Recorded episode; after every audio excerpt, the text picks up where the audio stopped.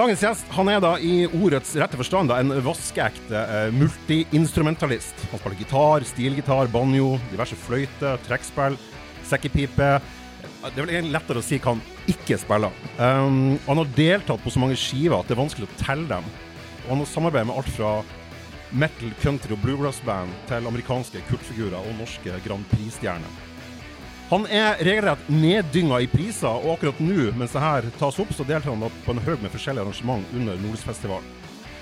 Og siden da det her er en musikkpodkast, så tikker han da absolutt inn på alle bokser.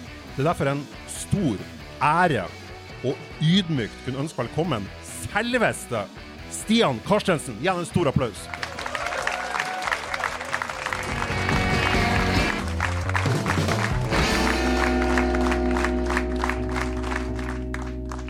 Jeg glemte å si geni. Nå har jeg sagt det også. Ja, jeg, det var det jeg venta på. Jeg merka det var litt dårlig stemning. Det var sikkert, sikkert det. Apropos diagnose narsissisme osv. Ja. Som folk ser, så har du med deg noen musikalske medhjelpere. Jeg har med tre krykker. Ja, og det er egentlig, hvis man er skikkelig slem, så er det tre av de mest utskjelte instrumentene du har tatt med deg. Ja, Jeg er på de svake sider, vet du. Trekkspill, banjo og sekkepipe. Hat trick. Det er hat trick av, av uh, utskjelte, utskjelte instrument. Ja. Ja, Vi skal komme tilbake til de instrumentene. Jeg er jo sjøl veldig, veldig svak for alle tre. Er det sant? Ja, veldig. Det er Eh, første gang jeg har hørt noen si. Jeg har faktisk eh, skrevet saken 'Dette er tidenes ti beste låter med trekkspill'. Oi. Og dette er tidenes 20 beste låter med sekkepipe. Ohoi. Det var en, mest, en av de mest leste sakene våre i 2023. på, på, på Ja, helt sinnssykt mye krangling om hva som var, hva som var best. Da, altså, da kom jeg på en liten eh, Så skal jeg avbryte deg, da, men eh, Topp. Det er noe som heter musett. Altså musettetrekkspill, som lå til å finne sånn fransk, ikke sant.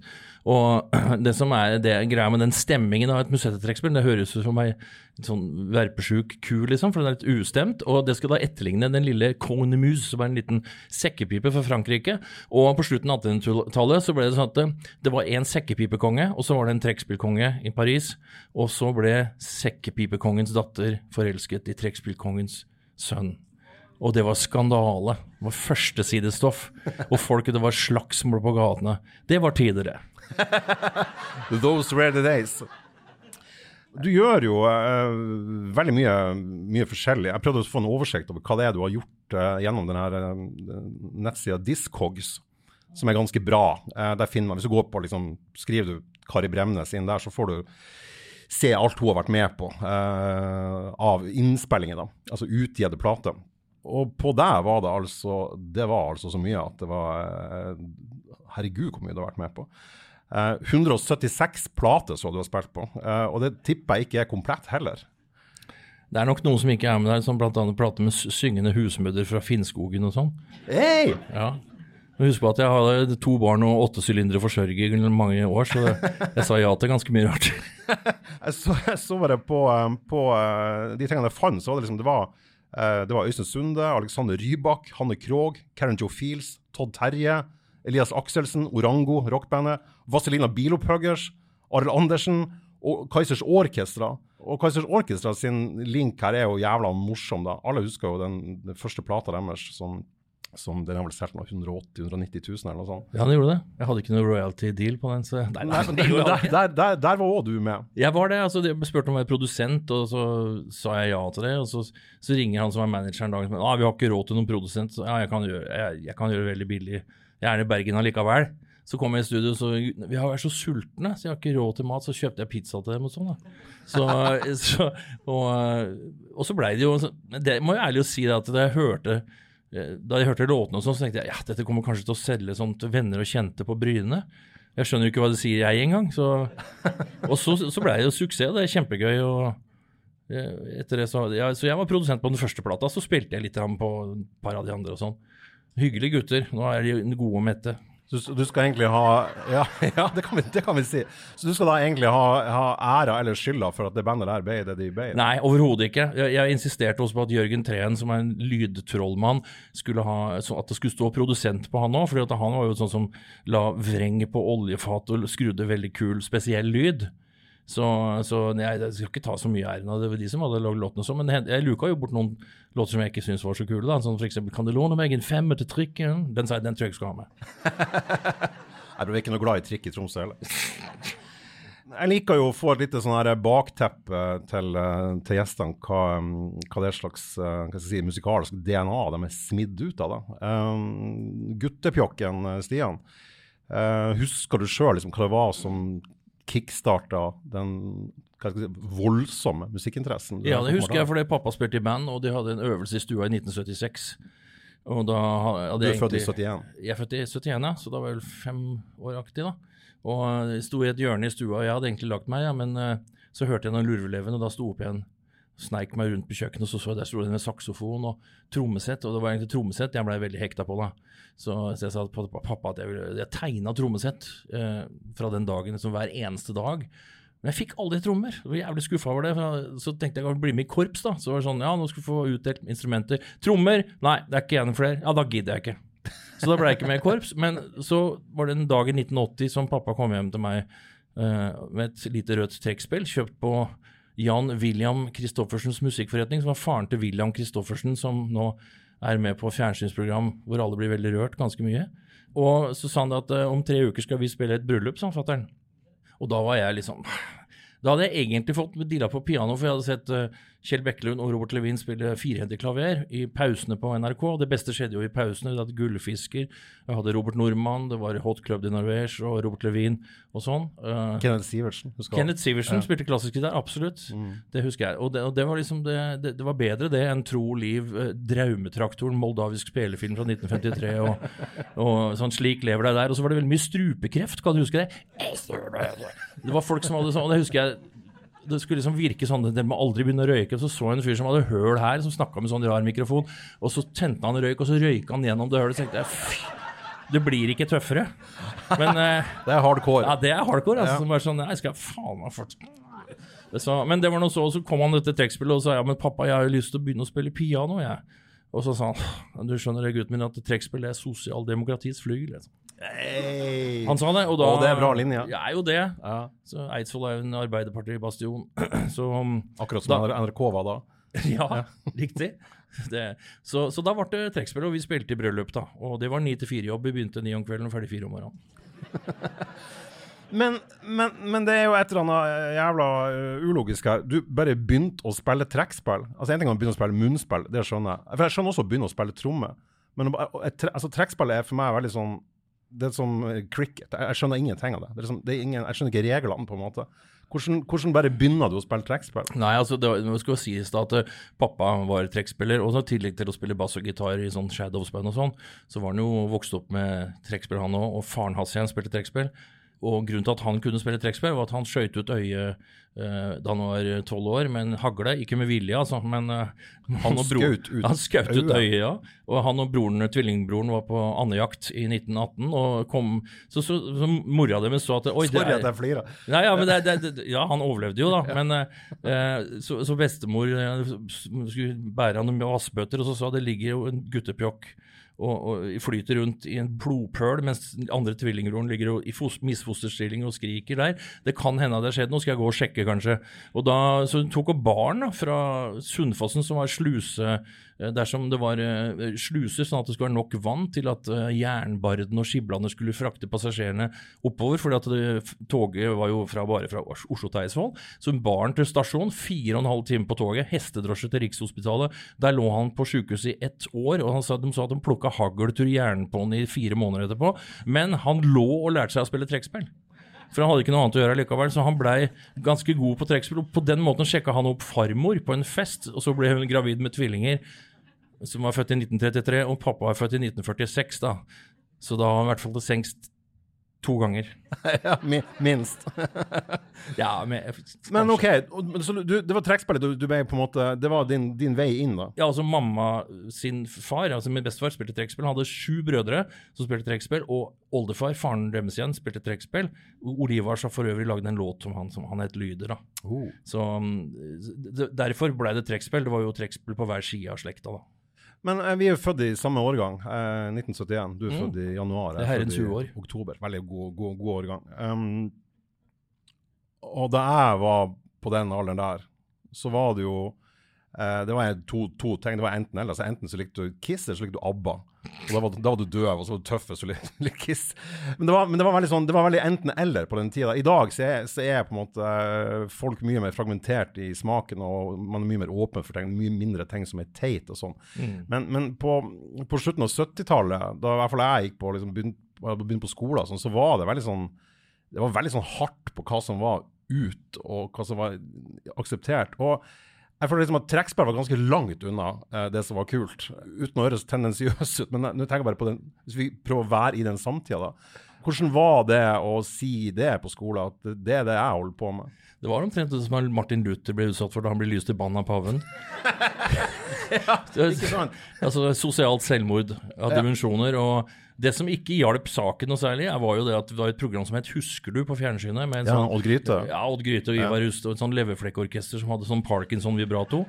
Uh, og og det, det gjorde at trekkspillet var ekstremt uhipt. Og så da jeg var 14, 14 og et halvt år, da tenkte jeg at eh, nei, hvis jeg skal få sjans, sjans på jentene, så begynner jeg å spille gitar, da. Og da slutta jeg med trekkspill, og så begynte jeg å spille elgitar. Og da tvang jeg meg gjennom timer med rock som jeg syntes var helt forferdelig, for jeg likte jo egentlig klassisk musikk, Ja. Men du gjorde det her for å få aksept, på en måte? Altså for å, Ja, for ja. å ha noe musikk som du kunne måtte Ja, ha relasjon til andre? Altså andre? Tilhørighet er jo et, et primærbehov. Og du ser åssen det går med folk som blir utestengt. Ja, og så Du blir enten kristne eller nazister. Ja, men jeg vet at når man er på den alderen der, så, så ønsker man jo, eller de fleste ønsker å, å, å være sånn som de andre, da. Ja, Det er veldig vanlig Jeg ville det, altså, eller i hvert fall bli likt, da. Men eh, jeg hadde jo det problemet at jeg, jeg var ikke helt som de andre. Jeg var f.eks. ekstremt opp, opphengt i ferskvannsfisk. Så, og min mor jobba på biblioteket, så jeg, hun kom hjem med sånne bæraposer med bøker om ferskvannsfisk. Så jeg leste ca. 2000 bøker om ferskvannsfisk mellom jeg var 9 og 14 år. Så, så jeg kan fortsatt alle ferskvannsfiskene på latin. hva, er, hva er latinske navnet på gjedda? Esox lucius. Jeg kan ikke sjekke det, men jeg, jeg tippa det rett. Og det er for øvrig min favorittfisk, og derfor så har jeg gjedde i perlemor, som er i en spesiallagde banjo. Har en gjedde i perlemor, den kan dere se på nært hold etterpå. Ja, nå snakker jeg ikke metaforisk, altså. Hva er, hva er største gjedda du har fått? Jeg, jeg har ikke så skal jeg si 9,5 kilo, men det var fra kajakk. Så, for jeg har bora hullet i kajakken og satt i stangholder, og det gikk på noe ordentlig svært noe. Og da bare lente jeg meg tilbake mens jeg hørte på andakten på radio. For den, jeg, du kan ikke røre deg som vi får ikke stilt på radio. Så hvis det er kjedelige ting, så, ikke, så må du høre på det. Så det er litt sånn gisselsituasjon med radioen.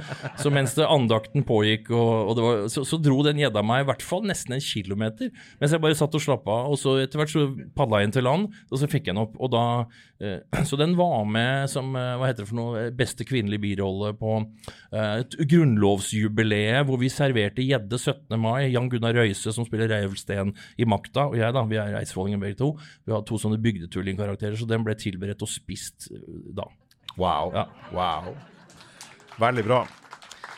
Eh, det vanligste når jeg snakker med folk som, som eh, prøver å danne et sånn musikalsk bakteppe med, det er at de, de fleste har typ en onkel eller en tante eller en bror, eller noe sånt, og så, og så har de, eh, i hvert fall hvis de er født eh, før eh, 1990, da, så, så har de fleste også ei platesjappe. For det var jo platesjappe overalt eh, på, den tida. Eh, hadde du noen sånn platesjappe du gikk Ja, i? jeg hadde det. Jeg hadde to. og Det første var den uh, faren til William Christoffersen. Han solgte både stueorgler, trekkspill og vinylplater. Og, og jeg av og til så var jeg der og bladde i den bunken som jeg har sett der som det ikke har blitt solgt noe. Han hadde en sånn egen hylle. De som hadde stått der i 30 år. Ja, sånn da, var det, da var det f.eks. Gunnar Reis-Andersen leser egne dikt, og den fikk jeg for 50 år, og den lærte jeg baklengs. Eh, sånn at det var sånn Fnas, nasing, om i pabo. Og så spilte vi inn eh, punkelåter med det som tekst. På en sånn kassettspillerstudio, sånn Tascam åttespors. Så du kan si det skjedde ikke så mye på Eidsvoll. Og bestefaren min sa det skjer så lite at det gror måsa på nordsida av folk, sa han. Men det var, det var ei platesjappe? Det var det. Og så Ja. var det neste, som var altså da drevet av Tom Statsberg, som var musikkjournalist i Dagbladet. Ja, og lyriker og Ja. musiker òg. Veldig eh, fin, fin type. Ja da, Eh, Han hadde noe som het Platekjelleren, og der eh, kjøpte jeg det litt mer Der var det ikke så mye sånn Gunnar Reis Andersen leser egen dikt. Det var jo litt sånn kred-sjappe, men det skjønte jo ikke jeg, for da var jeg akkurat blitt interessert i jazz. Og så hadde jeg hørt om Pat Metheny, for han var på halv sju Eller Pat var det Smith i smørøyet? Ja, Pat Metheny var på så, Og det, dette ligger på NRK. Jeg sjekka det, jeg tror det var kanskje sånn 1987. Og da var jo Bertine Zetlitz pro programleder, og disse små veslevoksne ungene var på Rockefeller og So they say that you're the best guitar player in the world. Og så sier Pat Medina Å, det var mora mi som har sagt det, da. og så spilte han gitar og sa Å, fy faen, aldri hørt noe som ligna på det. Så, og det ville jo ikke folk bli utsatt for i dag, for på barne-TV i dag så tar du ikke sjansen på å ha en, en litt sånn derre avantgarde gitarist i beste sendetid for unga. Men heldigvis så skjedde det, og da gikk jeg på platekjelleren og så sa jeg skal ha en plate med Pat Metheny. Ja, da har vi katalogen her, en haug med plater. Jeg ante ikke, så jeg bare gjorde sånn. Så tok det tre måneder, så fikk jeg den på vinyl, og det var en plate med Billy Higgins og Charlie Hayden som var veldig jazza, men ganske mye frijazz. Charlie Hayden, han er bassisten. Ja. Ja. Han som var så mot hvalfangst at han sjekka inn på hvalfangsthotell i Sandefjord, så begynte han å grine. og så ser støttenner og, og sånne harpuner og bare Så da måtte vi flytte den til et annet hotell. da. Charlie Hayden. Charlie Hayden, ja. Eh, sønnen hans, Josh Hayden, han er frontfigur i et uh, LA-band som heter Spain. De har spilt i Tromsø. Han er den by far dølleste personen jeg noensinne har møtt. Men en jævlig, jævlig god låtskriver. Hele bandet satt i, i en maxitaxi, så kjørte jeg med han og noen forsterkere. Og I Tromsø så er det bare sju-åtte minutter eh, til flyplassen, eh, fra flyplassen til, til byen. Det opplevdes som åtte døgn. Han var altså så Ja, digresjon. Ja. Um, uh, du, du sa i stad at, du, at, du, eh, at du gikk litt sånn all in på, på rock, og du syntes det var kjipt. Men klarte du på en måte å knekke den koden, da? Jeg gjorde jo det, for det var jo mye enklere enn den klassiske musikken jeg hadde prøvd å spille før det. da. Ja. Spille Beethoven og Mozart og sånne ting. og så, så kom liksom Skifte om et kvarter og så, så Jeg hørte på ACDC og så faen, det er kjedelig, ass. Men, og så etter hvert så utvikla et slags sånn Stockholm-syndromet for musikken, da. I all sin hjelpeløshet. Og så skal jeg snakke rock ned, men, jeg, men så ble jeg så selvfølgelig sånn guttenerdinteressert i Steve Vai, da, ikke sant? som var sånn ekvilibrist på gitaren og spilte med Devil Roth. Og, og ja, han spilte vel med Zappa da han var 18 år. Først med Zappa, ja. ja. Og veldig sånn Spilte med Ossi Osborne og masse annet. Ozzy Osbourne også? Ja. Det visste jeg ikke. Mm. Okay. Men han var i hvert fall da i Skedsmohallen i det herrens år 1988, 5. desember. Og da var jeg på den konserten, husker jeg. Og, og da, men det som var gøy gøyalt, da altså, som Steve Vai? Steve Vai var med på gitar. Var han, altså solo David Nei, Roth. David Roth. David Roth, ja. ja. Som hadde sitt Frontfiguren i ja. soloprosjekt. Ja. uh, Eat Them and Smile etter første plata. Neste het Skyscraper. Ja.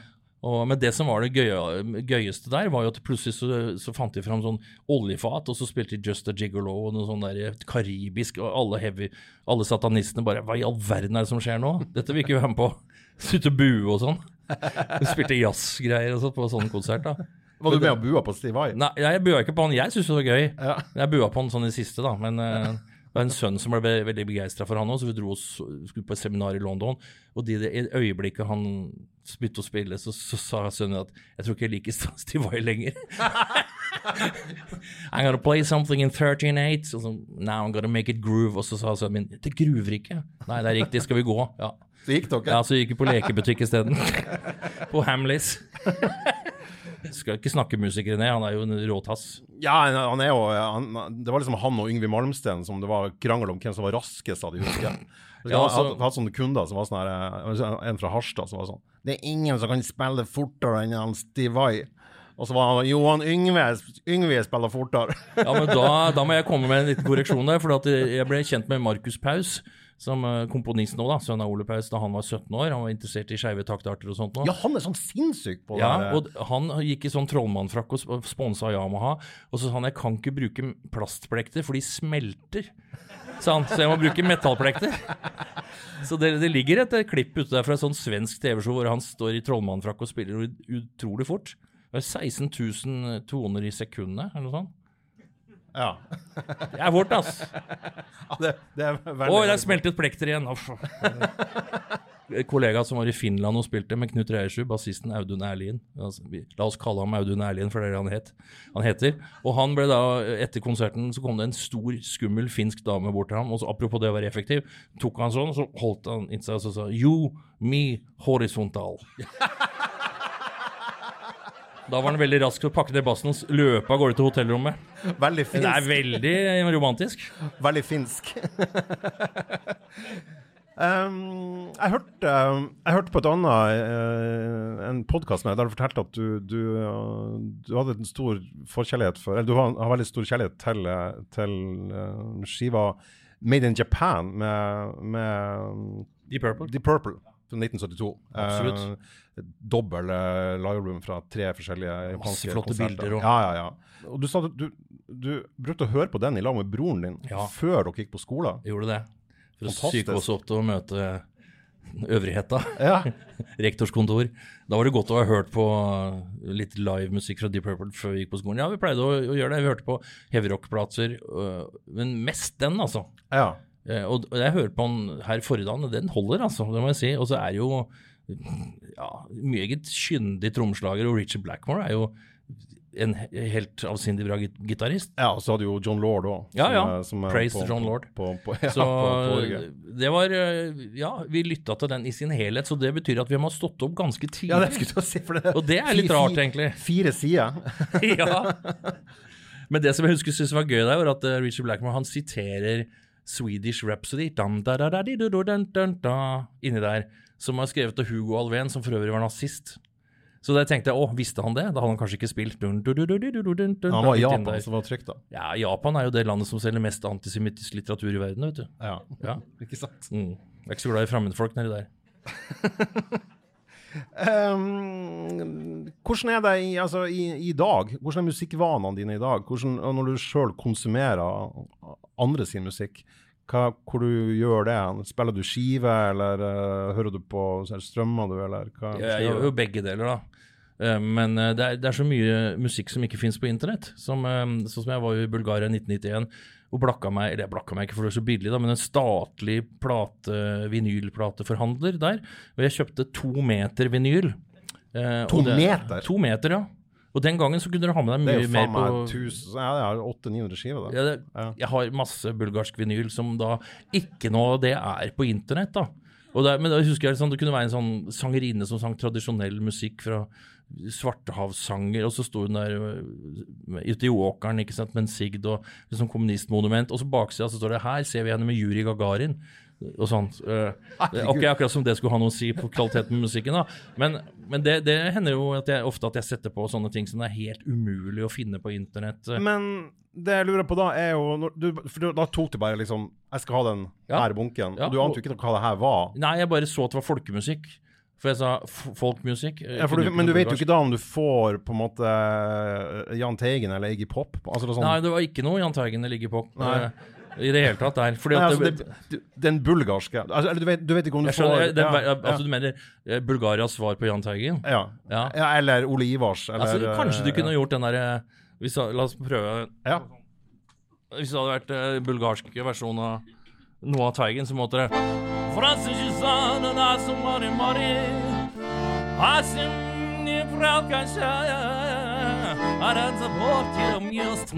det måtte være den i tilfelle, da.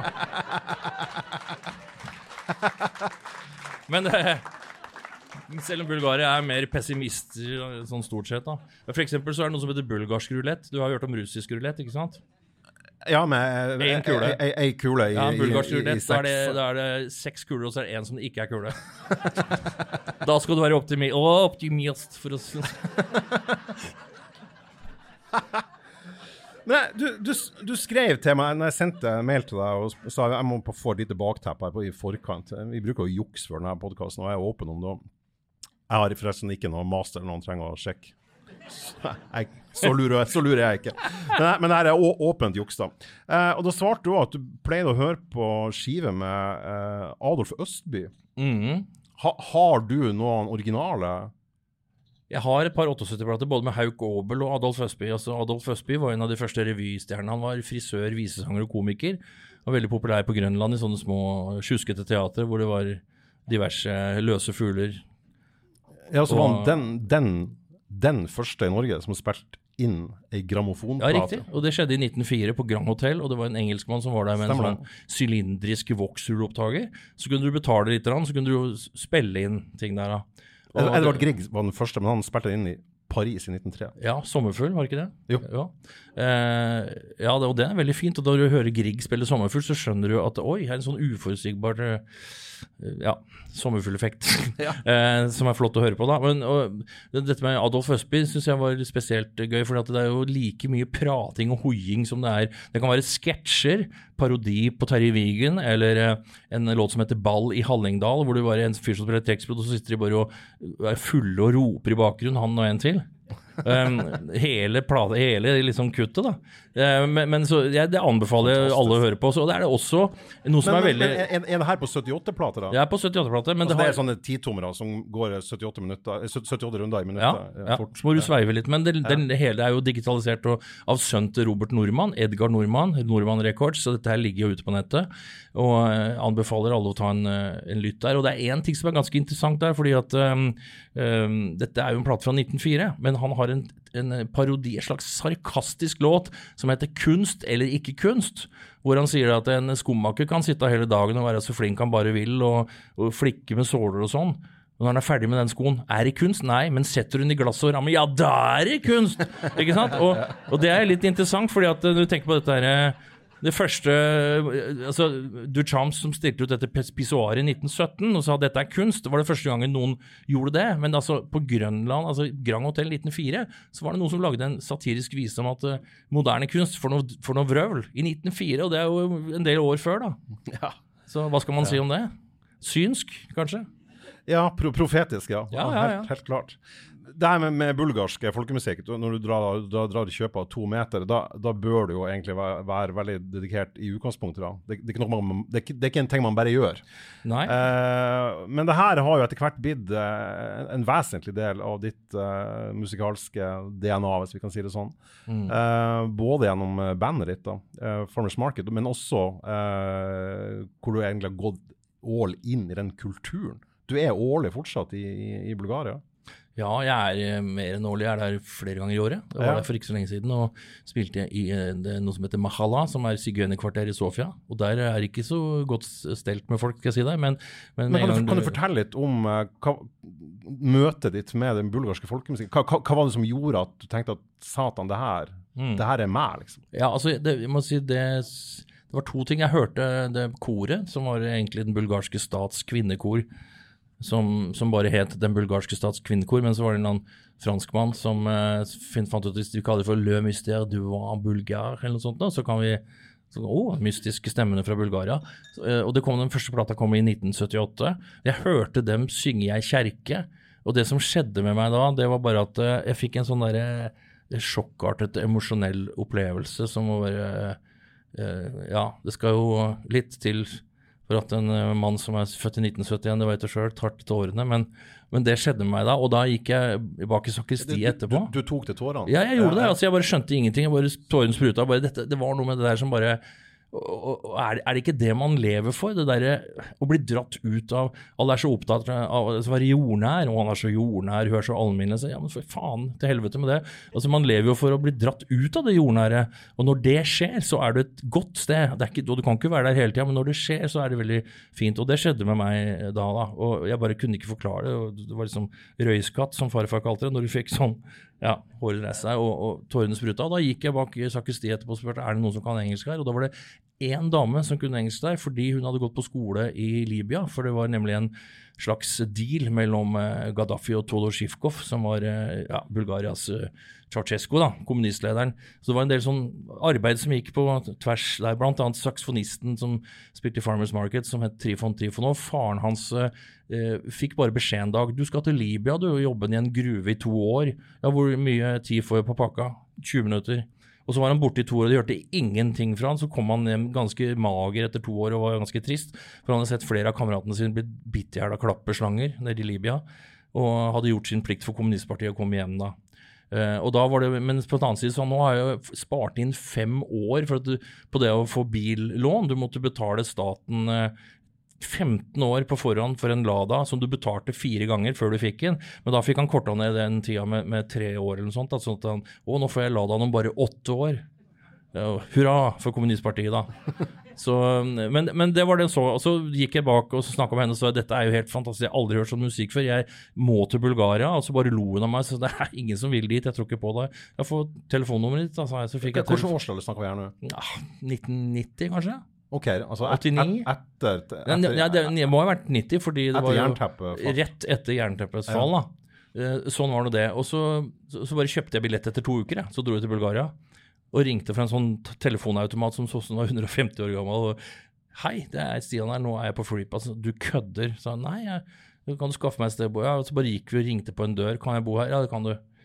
Og så, og så og, og der var det og så, Har du med trekkspill? Også hyggelig. Da fram med hjemmebrentflaska, og så ble vi venner med en gang. Og så, og så reiste jeg rundt der sammen med, en kamerat i, i en måneds tid og, og hørte musikk i bryllup og rare steder, og så folk danse på glødende kull uten å svi, brenne beina sine og sånn. Sekkepipemusikk og alt mulig rart. En sånn eksotisk greie. Men jeg husker at det, i Sofia, da, så så jeg apropos dette med ABBA, så var det en punker, han hadde to buttons. Den ene så sto det Sex Pistols, den andre sto det ABBA. og da tenkte jeg at hvis du ikke blir rørt av det, da er du en kynisk jævel, altså. Ja, det er jo helt nydelig. Jeg husker da jeg hadde um, platesjappe i Storgata her i byen på, på midten av 90-tallet. Da var det mye russiske fiskere som uh, kom innom. Oh. Og de hadde jævlig mye cash, for de hadde tjent penger. Uh, og de, brukte, de kunne null engelsk, altså som i null. Men de var sultefòra som faen på vestlig musikk, da. Og da brukte de å komme og så brukte de å si eh, eh, Beatles, ABBA, Ryoxiet, heavy metal. det, det, og det var det, de fire tingene de spurte der. Så det var så tydelig at det var en ABBA hadde en, eh, hadde en høy stjerne da, i, i gamle Øst-Europa. Åpenbart. Ja, altså de var jo fra Sverige, så de var jo ikke så tr sånn trussel som amerikanerne var. sant? nei, kanskje det. Fordi at det, Jeg har jo mange venner som har vokst opp i Bulgaria og forteller hvordan var skoletida. For det første så hadde vi jo ikke, ble vi ikke tiltalt ved navn, vi hadde bare nummer. Og så hadde vi våpentrening fra vi var tolv år, Kalasjnikov og sånn. Eh, og da fikk vi høre at Vesten besto av eh, hippier som var ondskapsfulle, som spilte forferdelig stygg musikk og røyka og brukte narkotika. Og, de, og dere skal aldri dit, så derfor skal dere ikke lære engelsk. Nei vel.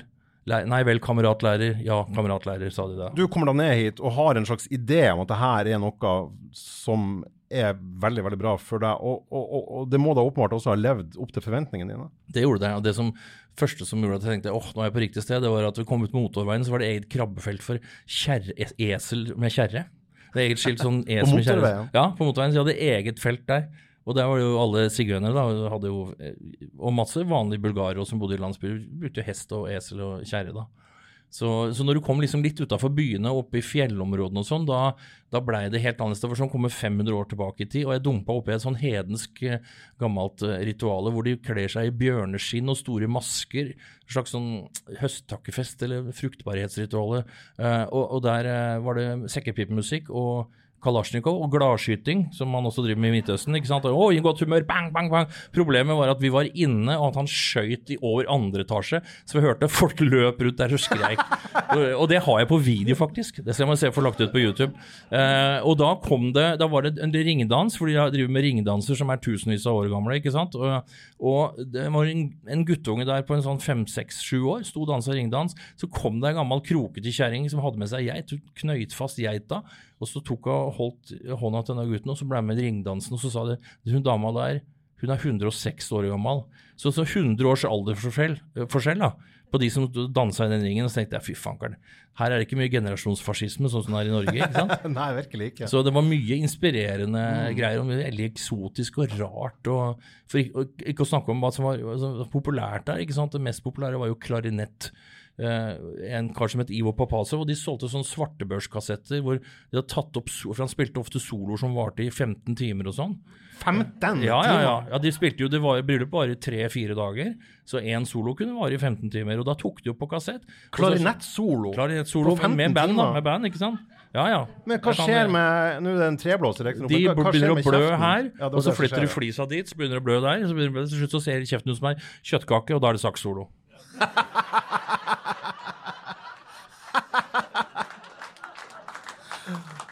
og, og det her kommer altså du inn i, og, du, og du er der da som um, Hvis jeg forstår det her rett, så er du, du, du kom dit med trekkspillet. Mm. Så, så du, du ba om å bli uh, assimilert Jeg kom eh, så og fant. Ja, ja. Ja. Men hvordan, hvordan var det å få aksept? Syns de at du hadde skillsene som skulle til? Jeg eller? kunne jo ikke så mye den gangen. Jeg kunne et par låter, men de syntes det var gøy at det var en eller annen utlending som var, hva, en eller annen utlending som var interessert i bulgarsk kultur. Mm. Uh, men jeg, det, det, og så ble det jo sånn at Men ingen kunne jo engelsk, ingen kunne noe tysk. og og så skulle jeg få snakka med folk, så da kjøpte jeg en bok og kassett, og så lærte jeg meg bulgarsk. da. Å, ja, ellers så du, du, lærte språket, ja? Det Jeg måtte lurt. det, fordi det var liksom helt håpløst å drive der og ikke kunne si et kløyva ord. Og da begynte det å bli enda morsommere, for da reiste jeg rundt i sånne grisgrendte strøk, og så bodde jeg hjemme hos musikere som spilte forskjellige instrumenter, for å lære eh, forskjellige instrumenter. da. Og det kunne være sånne, Jeg husker jeg bodde hos en eldre kar som hadde mista tenna, men han var, liksom, han var eh, fløytespillerstjerne liksom, på 70-tallet. og Som ga så flotte bilder av han og presidenten i sånne der konsertsaler som tok 8000 mennesker og sånn. Han bodde hos i tre uker, var med ut på åkeren og og liksom henta poteter og sådde og holdt på og sånn. Og så satt vi og spilte på kjøkkenet og drakk hjemmebrent av mjølkeglass. Og jeg bare banka på døra. Jeg har lyst til å lære meg å spille kaval. Så, ja, greit, da. Bare bo her så lenge du vil. Ja. Så skulle vi ikke ha noe penger for det heller. Eh, ja, sånn, sånn, folk var så utrolig sånn sjenerøse, da. Uh, og penger hadde de jo selvfølgelig ikke, men jeg fikk jo så mye mat jeg ville. Og det var liksom ikke noe, det, det er en sånn utrolig folk, sånn uh, gjestfrihet som du ikke finner i Norge. Kanskje i Nord-Norge, rett og slett. Som si det, ja. Ja. Jeg har akkurat lest boka om uh, det venetianske uh, skipet som forliste, og som de som bo, bodde på Røst i 1432. og De var så imponert over den der gjestfriheten til nordlendingene. Men det de var mest imponert over, at kara dro på fiske og var borte åtte timer. Så var de, fikk de lov å være sammen med, med konen deres helt alene uten at kara var der. De bare ga dem den tilliten. Og dette snakka jeg med noen eh, her i Tromsø om for to dager siden, og så var det en dame som satt rett overfor meg som så helt italiensk ut. Så sa jeg er fra Lofoten.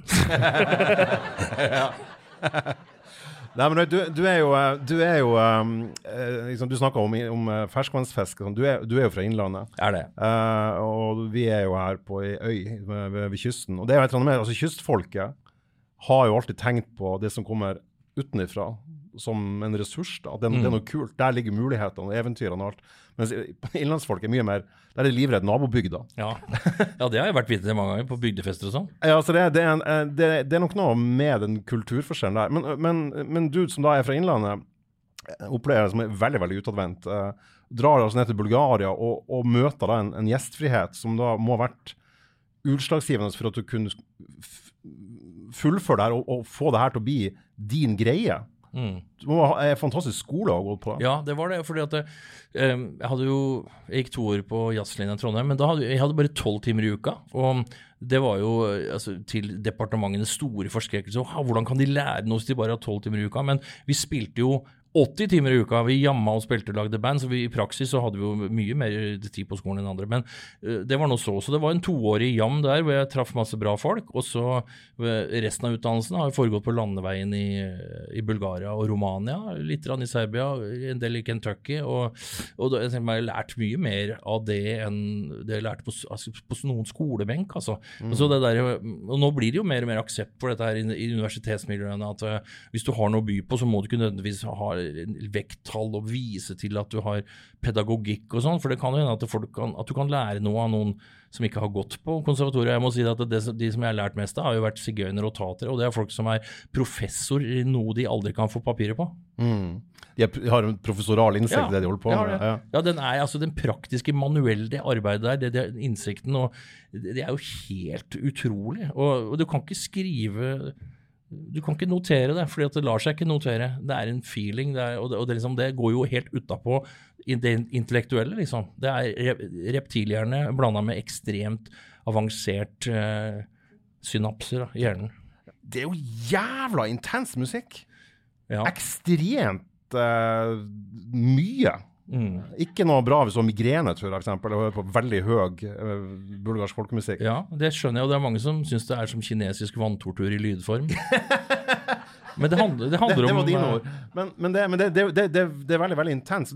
Og det, jeg tenker liksom kombinasjon altså jeg er veldig glad i mye sånn hard musikk. Type punkrock syns jeg er veldig kult. Men når en konsert har vart i én time, så tenker jeg nå bør vi kanskje begynne å gi oss her. Uh, men du, snakker om soloer på fem, 15 timer, Og, og, og, og, og konserter som varer i, i flere døgn. Mm. Ja, det er ikke konserter, de, de, de danser ringdans. Ja. Så, men først så er det en slags konsert at bandet viser at de kan spille, og da spiller de masse forskjellige stilarter og alle taktarter og sånn i en fem-seks timer. Og så folk drikker seg til mot, og så er det ballade hvor mor gråter og ah, sønnen på 37 flytter ut og sånn. Eh, og, og, så er det magedans, og, og så er det ringdans, ringedans, og det foregår i tre-fire dager, da. Og det er jo hardcore. altså det er, så det er Den sterkeste opplevelsen jeg har, var 1997. Da var på grensen til Tyrkia og hørte han kleinetisten Ivo Papasov, som egentlig ikke heter Ivo, men han heter Ibrahim. Men det var forbudt å være tyrker. Eh, ja, på slutten av 70-tallet og langt ut på 80-tallet så var det ikke lov å være tyrkisk. Og det er en million tyrkere der, så det er en problem. da. De hadde naturlig nok et noe anstrengt forhold til ottomanene som liksom eh, marsjerte inn der eh, på 1300-tallet og ble hivet ut av russerne i 1878, men, og, og gjorde mye ekstreme ting. De ville bl.a. at bulgarerne skulle bli muslimer, og da gjorde de en ganske dårlig jobb, spør du meg. Eh, men, men i hvert fall så, der, der var altså på grensen til Tyrkia, og det var en ringedans hvor jeg tipper det var mellom 1200 og 1500 mennesker i denne ringen. da. Og, eh, og så slo de mer og mer over til tyrkiskklingende orientalsk musikk, og da klikka det for folk. at Du så bare det hvite i øya på folk. Og så var det også en, det hadde akkurat fått inn en eh, tyrkisk eh, representant i regjeringa som reiste seg, og så gikk han der klarinettisten bort til han med sånn trådløs mikk og spilte en sånn såkalt taksim, som er en sånn minaret.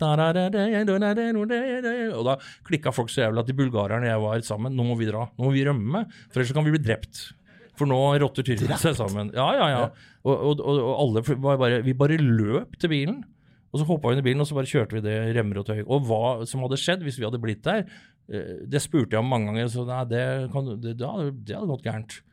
Eh, ikke sant? Fordi at tyrkerne har jo blitt eh, holdt nede da i, siden 1878, så de var litt mugne. Så kommer det plutselig får inn en representant i regjeringa som bare heier på dem. Så, men Jeg skal ikke si hva som hadde skjedd, men det var skummelt, og jeg så at de, var opp, de var oppriktig livredde, mine bulgarske venner da. Men da hadde vi stått der i en sånn åtte, ni, ti timer og hørt på, og, og liksom det løfta seg sånn, på sånne nivåer de holdt på, bare holdt på, holdt på.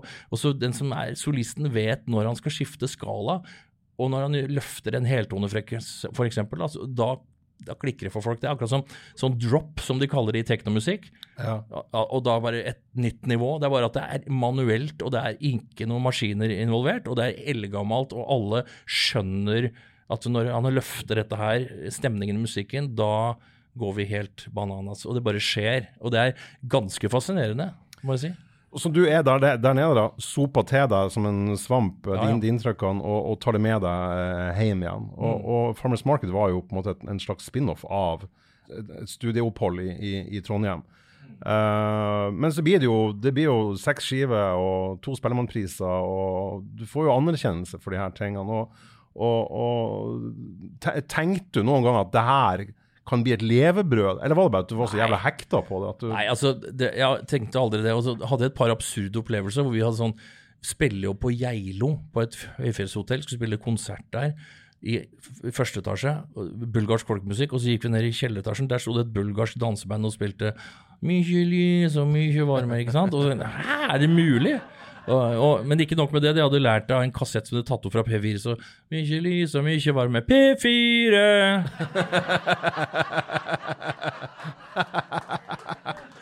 Men det jeg husker, det sjokkerte ansiktet som, Hva, hva slags musikk er det dere spiller? Vi spiller bulgarsk folkemusikk. Det, hæ? Så kom de opp og hørte på oss og så at hæ, nordmennene det er faktisk folk som liker folkemusikk. Og da gikk de ned og så begynte de å spille bulgarsk musikk, og så dansa folk til det òg. Ja, for det er kun de, ikke sant? Ja, det kun de. Men det som var det er et eller annet sånn derre med disse der bulgarske folkemusikere som I play hotel, I play ferryboat, Denmark, Norway, and uh, I play, play Tuesday, Wednesday, every day, Monday, free, go eat buffet. Everything eat. Og så, så De har liksom hockey og sånn litt sånn barberblad her, og så liksom eh, mokasiner med dusk, og så hvite sokker dratt utapå.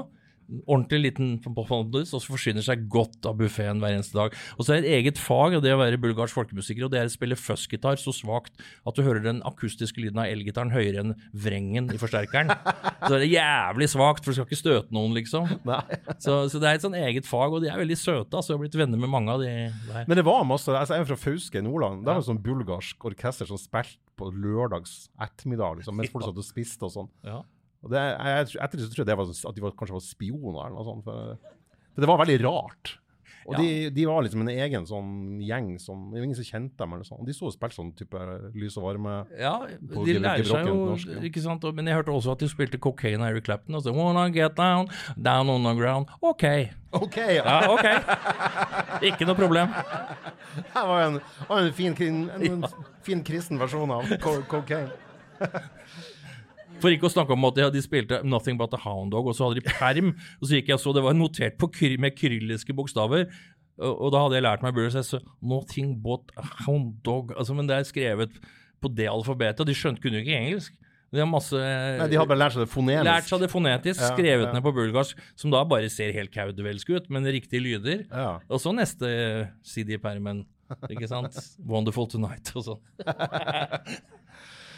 Du har jo jobba med helt sinnssykt mye folk. Jeg, jeg ramsa opp uh, noen her i stad. Uh, men et, et sånt samarbeid som er, som, er, som er veldig spesielt, i hvert fall sett med Rockøya, da, eller Rockøra, eller hva man velger, en slags organ man vil legge til, til rock, uh, så er det jo et samarbeid med, med Mike Patten. Mm. Best kjent for å være vokalist i Faith No More fra tredjeskiva The Real Thing, gjennombruddsplata deres.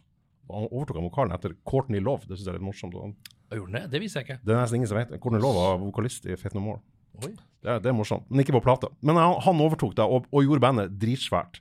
Eh, på slutten av 80-tallet og tidlig 90-tallet så var de et av verdens største, største rockband, og er jo blitt gjenforent nå igjen. og Uh, har i ettertid spilt i mange eh, andre band som er smalere enn Faith No More, som Mr. Bungle og Fantomas og Tomahawk. er veldig Riktig. på, på. Jeg har hatt med tomahawk på gjeddefiske på Hudasjøen. Du hatt med Tomahawk på gjeddefiske på? Ja. Ja, det, vil jeg, det, det vil jeg høre om. Spilte på Rockefeller, og, eh, og så Jeg har jo kjent jo Men vi må du først få inngangen her. Altså, det, det, er en, det er en grunn til at du har Tomahawk på gjeddefiske. Ja, for de har vært på turné For du har blitt kjent med Mike Patten. Jeg kjente Patten, da. Ja, og hvor kom det her? det, Hvordan blir man kjent med Mike Jo, Patton? altså han Han er en mis- gigant i Altså. Mr. Bungle pleide å høre på Farmers Market-platene da de var på turné. Mr. han- Bungle, Ja. altså sideprosjektet til Mike Patten, de Mhm. Han er- pleide å høre på Farmers Market. Farmers eh, Market. Ja, så er det den som heter Musikk fra hybridene fra 1996. eh, Som er ganske punka, da. Eh, Og, og så skrev han Det var et intervju med han i Morgenbladet, og så sa han bare i intervjuet Er det noen som kan skaffe meg telefonnummeret til Stian i Farmers Market? For ja. Stian i intervjuet Ja, med Morgenbladet? intervjuet. En kontaktannonse, da. Og, da. og da var det en fyr som hadde gitt den mailadressen min, så fikk jeg en lang mail fra han. Og det må ha vært i 2004-2005 eller noe sånt nå. Og så da har han, han har et eh, plateselskap som heter Ipecac Recordings, eller noe sånt. Ja, for han har sånn her spyfetisj. Ja, han er veldig glad i å spy, da. Ja. Han, eh, er, det er en sånn her, det er en sånn her eh, plante som har laga et sånn sirup av. Ja. Og den sirupen der som heter ipecac, da, den eh, er et brekningsmiddel. Og den, er litt sånn søtlig, så det er veldig lett å ha i drinkene til folk. Ja. Og hvis du drikker den, så går det ca. to minutter, og så, og så rikosjettspyr du alt du har inni deg. Eh, og han, eh, Mike Patten her er jo veldig sånn Han får jo folk til å komme opp på scenen og spy på seg på konserter. Ja. sånn. Veldig, Ja. veldig rart. Han spøy på en fyr på Rockefeller òg. Ja. når han først ble spydd på, så spøy han på han andre etterpå. Da. Og da liksom, Det var masse damer der som syntes at Patten var jævlig hot, og han kom der med politiuniforma si. og Det er jo en vakker eh, hunk, liksom. Men så begynte han å kaste opp, og da damene bare gikk én etter én.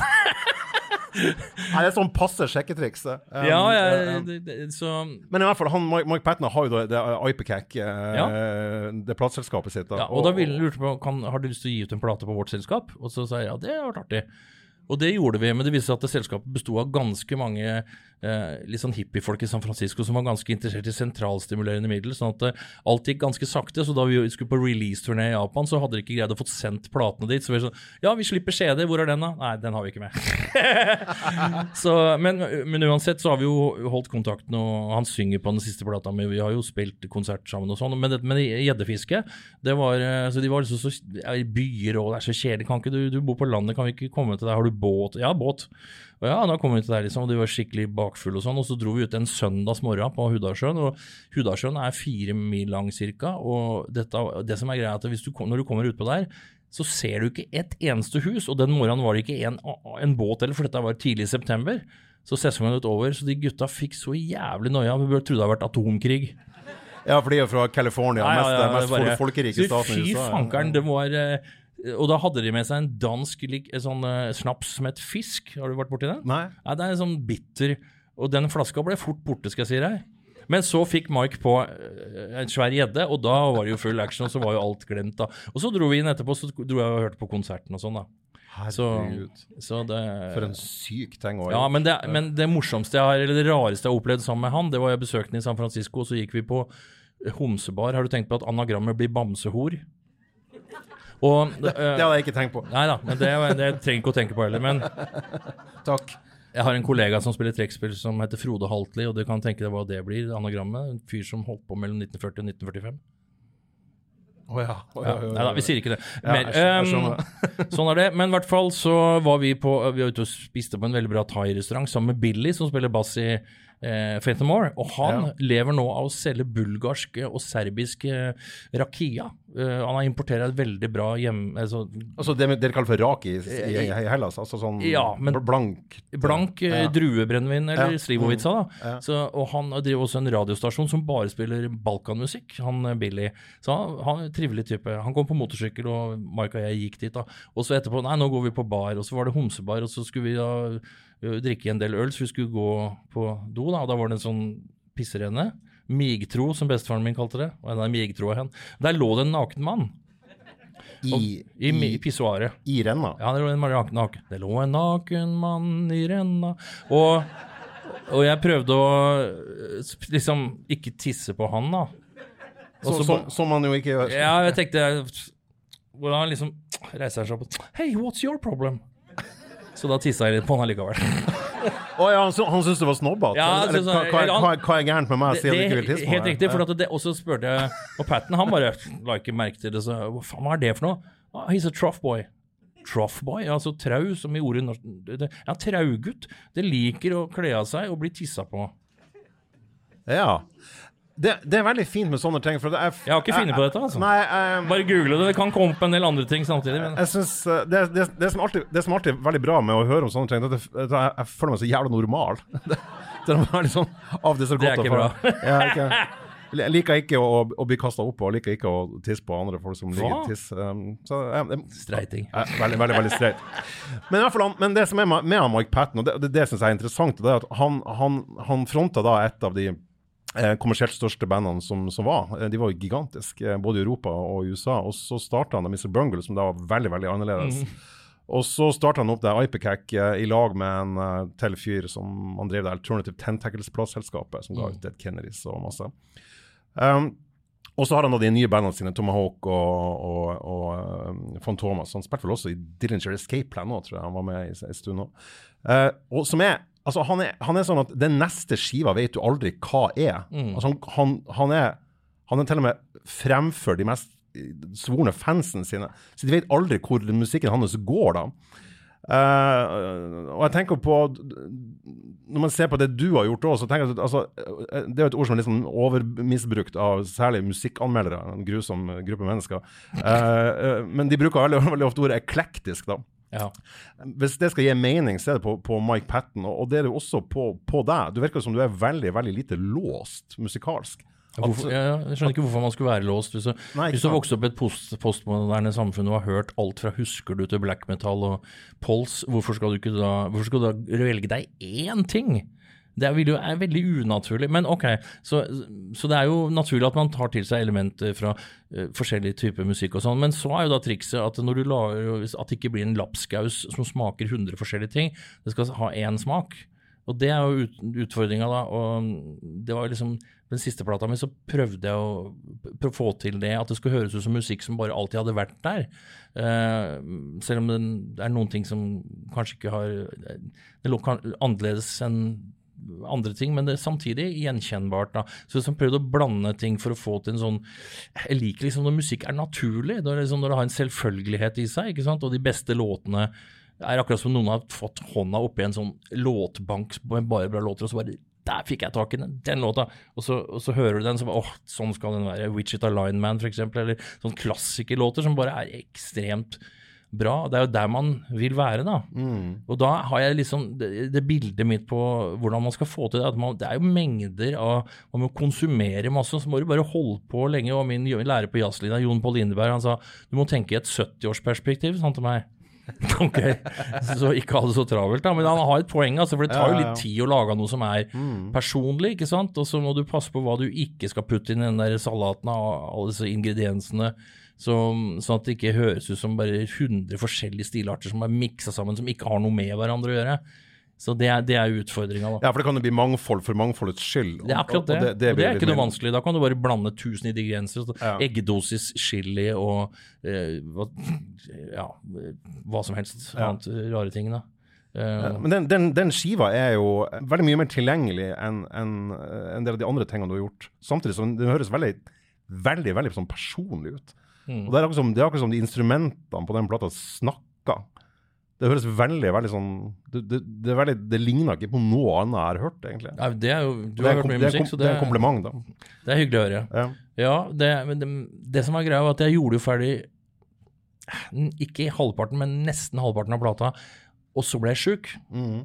Jeg ble sinnssyk. Jeg kan si sinnssyk, for jeg har vært sinnssyk. Jeg er litt sinnssyk fortsatt, men jeg var skikkelig sinnssyk. Og så i to år hvor jeg ikke gjorde noe særlig, og så etter hvert så tenkte jeg at eh, kanskje jeg ikke skal dø, kanskje jeg skal mm, gjøre ferdig plata mi isteden. Ja, for det var suicidal. Ja, jeg var det i to år, og det var derfor jeg ble lagt inn på lukket avdeling. Og så, det var jeg absolutt. Jeg var full av vrangforestillinger. Det var sånne vrangforestillinger som, eh, som vippa meg helt av pinnen. Jeg gjorde, trodde jeg hadde gjort ting som var helt forferdelige, som jeg ikke hadde gjort. Ja, og da var du mett, mett i et album, på en måte? I, Ja, var det. Ja. Og det var, ja, så, så det var en del av stressmomentet at jeg bare klikka i 2017 i juli at jeg hadde deadline på den plata, og så var jeg ikke ferdig. Og da husker jeg at jeg var på en kammermusikkfestival i Finland, et sted på grensa til Russland hvor det var jævlig mye mygg. Ingen snakka engelsk. Og da jeg kom dit, så var jeg helt utslitt. Jeg hadde vært oppe i en, en uke og drevet med plata og sånn. Og så tenkte jeg det blir godt å komme på et ordentlig hotellrom her. Så det eneste jeg fikk, var et kart, en sykkel og en nøkkel. Og så måtte jeg finne fram sjøl en sånn eh, boligområde fra 70-tallet. som kom inn hvor det bodde fire-fem andre musikere som ikke kunne et kløyva språk heller. Og så hang det sånne litt sånne stygge konfirmasjonsbilder av sønnene fra 1984 på veggen med en bibel. Så det Og, det, det, og det her var ikke en vrangforestilling? Nei, det var, det var virkelig. Ja. Og da så gikk jeg på butikken og så tenkte jeg, faen, jeg må kjøpe meg noe mat og sånn. Så bare Nei, jeg har ikke lyst på mat. Jeg. Så jeg spiste ikke eh, på tre uker nesten. Så var jeg litt tynnere enn jeg er nå, da. men, eh, men ok. Og, og så kom jeg tilbake til Norge, og alt var helt sånn Jeg må levere plata og sånt. Så, så bare pang, så, så, så glapp det for meg. Og da da fikk jeg ekstreme vrangforestillinger om alt mulig rart, og ville bare dø. Så da, eh, da prøvde jeg det, og så gikk ikke det. Den gikk nesten, men det gikk ikke. Og så kom jeg på lukket avdeling, først på eh, selvmordsakutten, og, og der eh, fikk jeg en tablett som gjorde at jeg ble så lykkelig som jeg aldri noen gang har vært i mitt liv. Jeg husker jeg hadde en samtale med en venninne som jeg, jeg kjenner ikke henne så godt, men satt på en fest, og så så Hva er ditt lykkeligste øyeblikk liksom, i livet? Og så, hmm, så, så Vi har jo begge barn, da. Var du fikk barn? Her var ikke det. Og så sa jeg at ja, det var etter da, samme dagen jeg prøvde å ta livet av meg, så fikk jeg en tablett som gjorde at jeg ble så jævlig lykkelig at jeg bare uhu, sendte masse meldinger til venner, for de tok ikke fra meg telefonen. Skal vi dra på fisketur og sånn, ikke sant? Og så sier hun den lykkeligste eh, dagen i mitt liv, det var rett etter jeg tok abort, for da fikk jeg en sånn pille som, som du fikk, og da ble jeg så glad. Så synes jeg det lykkeligste øyeblikket var etter selvmord og abort, liksom. Det er ganske dark, da. Hørtes ut som et, et, Den tabletten hørtes ut som en god salgsidé. Ja, altså, det hadde, jeg hadde men, men det, her, det, her er, det her er jo eh, det, det her er jo eh, alt annet enn morsomt, selvfølgelig. Det, Jo, men, eh, men, men det, er jo galgenhumor. Og, Ja, og altså morsomt var det ikke da, det er helt sikkert og visst. men, du, har jo vært, eh, du har jo vært utrolig åpen om det her. Eh, Jeg har ikke noe å tape, vet du. Nei, men nå- sa jo jeg ved innledninga at jeg bruker aldri å si uh, at vi skal snakke om den vonde tiden, eller sånn, men jeg, jeg var du som pensla inn på sjøl, så jeg, jeg altså, hå- og håndfri jeg, jeg er helt enig med deg. og det er sånn at Du må ha øh, Har ikke opplevd noe vondt øh, Har du mista bestemora di? Ja, det har jeg. Snakk om det, da. Ja. Så sånn der, ja, alle har mista bestemora si, liksom. Så, men jeg har jo derimot prøvd å Jeg fikk jo diverse diagnoser da jeg var uh, sjuk i to år, som jeg har fått papirer på at jeg ikke har lenger. Eh, Narsissistisk personlighetsforstyrrelse, check. Den er jeg veldig glad for. Kid. Bipolar, check. Så jeg har ikke noen diagnoser, så derfor så kommer jeg ikke på TV heller. Så, men, men jeg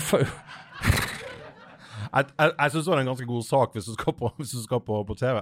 Du fikk jo en hjernebetennelse samtidig som at du var psykotisk og hadde Ja, hadde Jeg hadde et samtale med noe jeg trodde var et kamera i taket. Altså virkelig. Men så, så var jeg på turné i Tyskland, og så plutselig så greide jeg ikke å røre på den armen, og beinet svikta meg. Så, så gikk jeg rundt, halta rundt inn på hotellet. Hva skal jeg gjøre? Faen, jeg skal spille konsert i kveld og sånn. Og så bare kom jeg meg ned i resepsjonen, og der eh, var det en dame som kom bort som jobba og sa Are you okay? Eh, Not really. Så jeg, og så, så, så greide ikke jeg å røre meg, og så kom det en ambulanse, ble lagt inn på en slagavdeling med sure tyskere. og det er vel litt de trodde du hadde slag? Ja, var trodde. De trodde, jeg hadde slag. Så jeg havna ved siden av en eldre mann som hadde hatt slag, som hadde elektroder overalt. Og jeg fikk også sånne elektroder de sjekka og tok bilder og sånn, men de så det var, det var ingenting der. Ja, det var jeg ikke sjokkert over, men det var ikke noe svulst, eller det var ikke sånn der eh, blodpropp. Ja, det var noe der, da. Ikke så mye, men men i hvert fall, så, men det som var jævla lite empatisk, synes jeg, var at det kom en fyr og maste om penger da jeg lå der og ikke kunne røre meg og hadde fullt av ledninger overalt. Uh, Du må betale det geld! Og så, og så, herregud, er så jeg, har keine forsikring, og sånn, og da ble han jo helt rasende. Så sa han at i morgen klokka sju så kommer jeg her, og da må du ha betalingsopplegget ditt klart. Så det som skjedde, jeg lå våken hele natta og tenkte faen, skal jeg stjele de krykkene der og prøve å rømme? Og så tok jeg og reiv av meg de der elektronene elektrodene og humpa bort og tok de krykkene.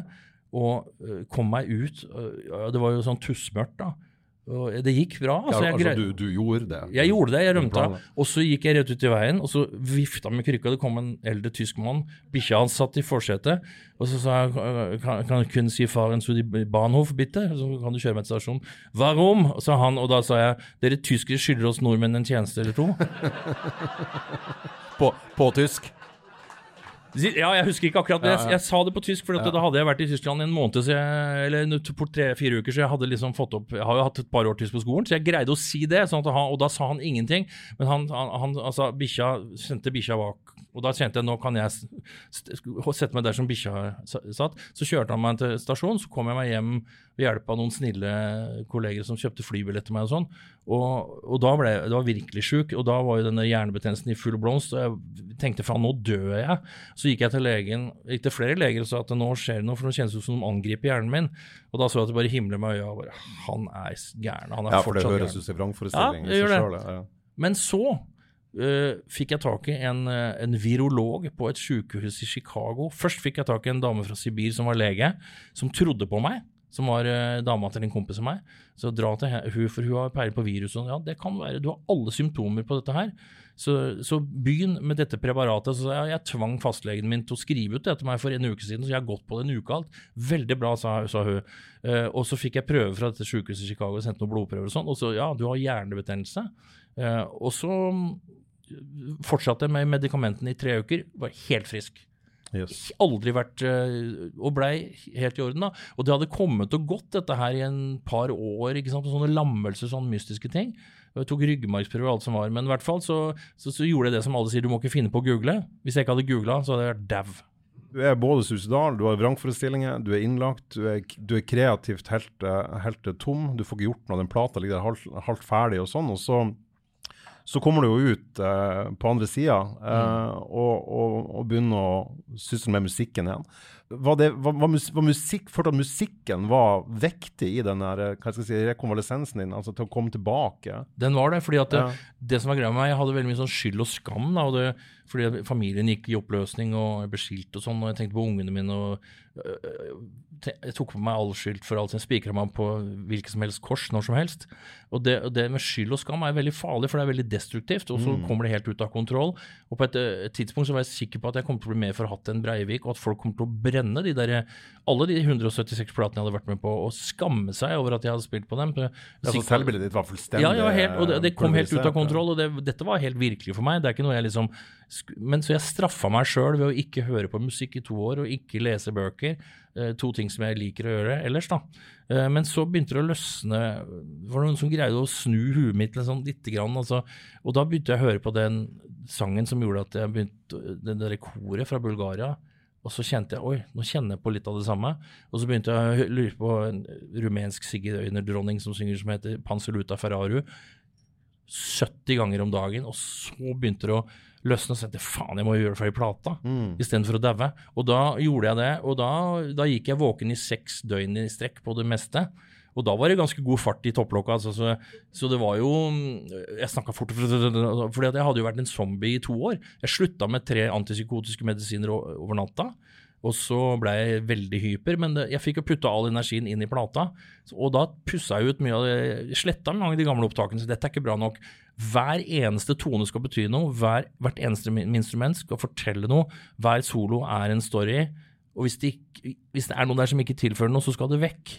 Og det er liksom det Det høres ut som du hadde fått med deg det da når du lytta til det. Mm. Og det var sånn Jeg fikk et slags sånn klarsyn etter at jeg hadde vært i katakombene og vært kjent på alle disse helvetes demonene. For var så, livet var jo et mareritt på en måte da jeg var så sjuk og jeg drømte om Satan og mørkets fyrstekake og alt mulig som var jævlig. Eh, og så begynte det å bli litt bedre, men det var fortsatt mørkt. da, Og da ringte jeg til Øystein Sunde, husker jeg. og da, Det var da han sa disse Han, han har du spilt med tidligere? Ja, jeg har spilt ja. mye med Øystein. da, Og jeg tenkte han har jo fått nordmenn i godt humør siden 1964, så skal jeg ringe til han. Jeg har ikke ringt han på to år. Han har prøvd å sende meg meldinger, sånn, men jeg svarte ikke. Jeg svarte ingen. Så jeg, det er Stian, er det faen eh, Åssen går det? Sånn, Nei, det er mørkt, altså. Det er jævlig mørkt. og så ja, hva du driver med? Jeg prøver å få for deg plata mi, da, men jeg vet ikke om jeg greier det. Sånn, sånn. Ja, men hvis du tar demonene fra en kunstner, sitter du igjen med en formingslærer, sånn. Ah. Da, det, det, høres ut som en Øystein Sunde-setning òg. Ja, og, og, og, vet du hva? Bare det, at han sa det, det var en sånn enorm trøst. fordi jeg har jo alltid følt meg liksom en avviker, apropos dette med skolen og feil mm. instrument og ferskvannsfisk og interessert i ting som ingen var interessert i. og sånn. Så plutselig var det en som sa til meg at hvorfor ikke omfavne disse jævla demonene og bruke det til noe fornuftig? Uh, og så fant jeg seinere ut at Tom Waits har en låt hvor han sier at uh, hvis du vil at eh, demonene mine skal forsvinne, så tror jeg englene følger med på kjøpet. og det er et eller annet der, ikke sant? og det er derfor gresk mytologi er klokt. For det er ikke svart-hvitt. Det er ikke Satan og Gud. Det er, en, det er mange ting på den skalaen der, og alle har bra ting i seg. Alle har destruktive krefter i seg. Og det må vi bare Hvis vi ikke kan omfavne det, altså, da kan vi bare glemme det. For, og da musikk og kunst som er friksjonsfri, er jo kjedelig. Altså, se på alle, alle som har lagd noe som er interessant. De har vært ute et vårjevndøgn før, altså. Definitivt. Eh, noen av de beste platene jeg har hørt, er jo lagd i dyp eh, frustrasjon og i spenn mellom ting. Og det er egentlig ganske eh, eh bra bru over til, til um, ei fast spalte som vi har i denne podkasten. Og det er nemlig da hvilken plate du vil ha tatt med deg på Øde øy. Og der hadde du et par kandidater. Og den ene kandidaten du tok der, er jo egentlig veldig rart at ingen har sagt før. Uh, og at ingen har, hatt det som valg. Den ble det andre valget ditt, da. Men det er jo en uh, megaklassiker av veldig mange regna som uh, beste plater som er laga. Deriblant Paul McCartney er, er en av dem. Uh, og det er da ikke Beatles. Kan du si et par ord om hvilken plate du har valgt? Ja, det er jo Pet Sounds med Beach Boys, da. Mm. Hvilket år kom den? 66, eller? Mai 66. Ja. Og det, den inspirerte meg veldig. Så det er en del fellestrekk med den plata mi. Men ikke minst det at uh, Brian Wilson han, han, eh, så seg lei av det derre hva skal vi kalle det for besetningstyranniet. At det skal være blåsekvintett, strykekvartett, symfonietta, strykeorkester, symfoniorkester eller jazzkvartett eller rockeband. Han bare, Hvorfor ikke ha termin, plekterbass, pauker, spinett, mellotron og sjustemt sang? Ikke sant? Og det, det, det var godt tenkt. Ja, det er jo et gigantonomisk, uh, overambisiøst prosjekt, uh, den, den, den, skiva. Så er han jo, Den er jo spilt inn i Mono også. Uh, ja. for Brian Wilson hadde jo nesten Eller hadde, nå snakker han om han er død, han er vel 81 og lever i Ikke i beste velgående, så lever han i hvert fall. Lever i verste velgående i California den dag i dag. Men han, han, er nesten død på det ene øret, eller har veldig svekka hørsel på det ene øret. Sånn at han fikk veldig lite utbytte av stereo. Altså Han fikk ikke mm. effekten av stereo. Ah, Derfor okay. foretrakk han å få det i mono. Uh, for da fikk han det sånn som han ville, at han fikk like mye utbytte av det. I ettertid så har de jo klart med teknologi å, å brekke det opp, så nå får man også kjøpt den i, i stereo. Um, Auditiv blasfemi. Ja, ja, det, er jo det. det, er jo det. Men, men den, den, plata her er, er, jo en sånn game changer. Altså Den har jo Wouldn't Be Nice og ikke minst kanskje tidenes eh, beste åpningsbord på IB-sida, uh, God Only Knows. Mm. Uh, og, og, og, var jo ei plate som gjorde at Len McCartney fikk helt noia. Mm. Uh, og bare sånn Faen, skal vi gjøre nå, liksom? Det, det, her, det her klarer ikke vi å matche. Da kom uh, Sgt. Pepper som et resultat av den, som et direkte resultat av den. Mm. Og endevendt egentlig hele popindustrien, med hvordan pop skulle lages. Altså en, en, en fyr som bare ga faen i alle regler, og som helt åpenbart var geni når det kom til låtskriving og arrangement og sånn. Og han var jo òg sterkt plaga. Han har jo en, en, en, det som kalles for en, en bipolar lidelse, da, og var jo veldig veldig plaga psykisk, og forsvant jo mer eller mindre etter den plata der. Mm. Du oppdaget den plata ganske seint, forstår jeg på det. Ja, ganske sent. F- Føler at det er noe sånn at du forstår det, det utgangspunktet med en plaga mann som, som, som lager den briljante musikken her, som er så personlig. Jeg veit ikke, jeg tror egentlig tenker mest at eh, det er et menneske som ser andre løsninger enn det andre har gjort før. Og det kan hende at uh, hvis det er noen synapser som går litt på tvers og kryss og tvers, som er litt annerledes enn andre, andre løyper som har blitt gått opp før, så, så er jo det Altså, jeg setter originalitet veldig høyt, jeg. Hvis det er en kunst som ikke er original, da kan det være det samme. Så bare, hvis det er original, så er det et eller annet der, noe som Ikke sant? Eh, og det er jo uten tvil eh, greiene hans, da. Og jeg veit ikke hvorfor det er men klart Han var en plaget mann, og så hadde han en far som var en jævla kødd. Han hadde skrevet, skrevet verdens beste låt, 'God Only Knows', og viste den til faren sånn. Fy faen, for en drittlåt. Det er det verste jeg har hørt, sier faren. Det er smekk på lanka, altså. Ja, det, og, det, og, det, og det burde han ikke ha sagt, selv om det var en stygg låt. Nei, For foreldre skal ikke si det til men jeg ungene. tenker på hvis du sier noe sånt, så er det beyond, det er så beyond eh, alt som heter god folkeskikk og empati, da. Men, men Brian Wilson holdt jo på uh, Han holdt jo på å bli drevet til vanvidd av den plata også, for den, den ble jo ikke noe suksess uh, i sin samtid. Og den fikk til og med ganske lunkne anmeldelser. Ja, og, og, han, eh, og han forsto ikke det, for han, han mente at han hadde laga et mesterverk. Og så hjalp det selvfølgelig på at Paul McCartney og John Lennon og, og, et par andre musikere syntes det her var kult. Men den, den slo faktisk ikke engang ordentlig an. Hmm. Sånn ordentlig, da. Eh, Altså, I ettertid er den jo kanonisert eh, herifra til evigheten. Uh, men tenk når du sitter og lager et mesterverk som samtidig ikke forstår, det må være så jævla frustrerende. Ja. Jeg, jeg hjelper sikkert ikke på hvis du sliter fra før, tenker jeg. Nei, Beethoven og van Gogh, altså de har vel opplevd noe av det samme, men de kanskje ikke så Jeg var ikke klar over at den ikke ble forstått i sin samtid, men eh, men han har jo fått oppreisning i, si før, at det, gikk, før det ble posthumt for det. Ja, vi kan si at det gikk bra med gikk den, den plata. Ja. Du, var innom, eh, du var innom også et bulgarsk album Ja. som jeg ikke hadde hørt om i det hele tatt. Nå jukser jeg, for jeg gidder ikke å late som at jeg kunne eh, fra før heller. Eh, Lø, rett? Lø. Lø Mysteries. Det, ja, det må du bare uttale sjøl. Le Mystère de var bulgar, eller noe Ja. sånt noe. Er det, ja. Ja, det var det franske navnet som en eller annen fransk manager fant ut at de skulle kalle det, fordi da ville det bli mer spiselig da. For, Men jeg fant, jeg fant skiva da, på, på Discogs, tilgjengelig for, for 15 euro også. Eh, men den, du sa den kom i 1970, men den kom der, ifølge Discogs så kom den ut i 1987. eh, ja, da Ja. er det Eller er det et annet album? det er nok et annet album. Dette Ja. er også en plate som Frank Zappa snakket om, og at han var veldig inspirert av. Ja, nettopp. ja. Fortell, hva, hva, er det, hva er det med den plata her? Nei, det er jo helt annerledes. Det låter jo også det, Alt er annerledes enn et vestlig korideal og måte å synge på. Og, og grunnen til det, altså de har veldig nasale stemmer, disse kvinnene, da, og de er også fra forskjellige regioner i Bulgaria som har hvert sitt særpreg, og ble jo plukka ut av kyndige folk. Eh, helt vanlige damer som jobba på jordbrukskollektiv, og så, så hadde de sånne eh, auditions, da, så Hørte de på folk. Fy faen, hun sang bra, hun sang bra. Så tar vi, og så lærte de noter. Og så sang de i kor, og så var det da en del av disse bulgarske komponistene som, som uh, tok gamle sanger og lagde polyfoniske versjoner av dem, så flerstemte, som er bare helt annerledes enn alt annet. Og, um, og så ble det veldig populært, da. Så det ble jo brukt i sånn propaganda propagandaøyemed for kommunistpartiet òg, men det er bare liksom oh, ja. Det er helt uslåelig. Og noen av disse kvinnene som sang i dette koret, her, de ble så populære at uh, jeg husker jeg snakka med folk som Ja, vi var jo hørte Kalinka Voltsjeva, en av de som var mest kjent. sånn. Uh, hun sang her. Og da hadde vi hadde jo ikke noe penger, men hun fikk 200 kilo tomater. ikke sant? Da, da, da er du god. Ja, ja, og to griser og ikke sant? For hvor, det er at det, og det fascinerte meg enormt med Øst-Europa, at det er kunst, kunst i Vesten hvis du skal være litt flåsete, så kan du si det her er det pynt, mens i Øst-Europa så er det faen meg alvor, altså. Og, og det Folk bruker musikken som terapi, og det har jeg jo gode erfaringer med, med sjøl. Eh, ikke sant? I, I forhold til disse mm, psykofarmakegreiene som bare gjør at du blir en zombie. Som, det er som en kompressor som tar topper og bånd, og så blir du en kjedelig person som gir faen i alt. Det er ikke noe gøy, men det kan hende at det er nødvendig i en kort periode for å liksom At du ikke skal ta livet av deg. og det kan Ja, hende. kom på skinnene. Ja da. Ja, mm. Men så kan, det er jo ikke noe blivende sted. Nei. Man må jo ut av det og sånn, da.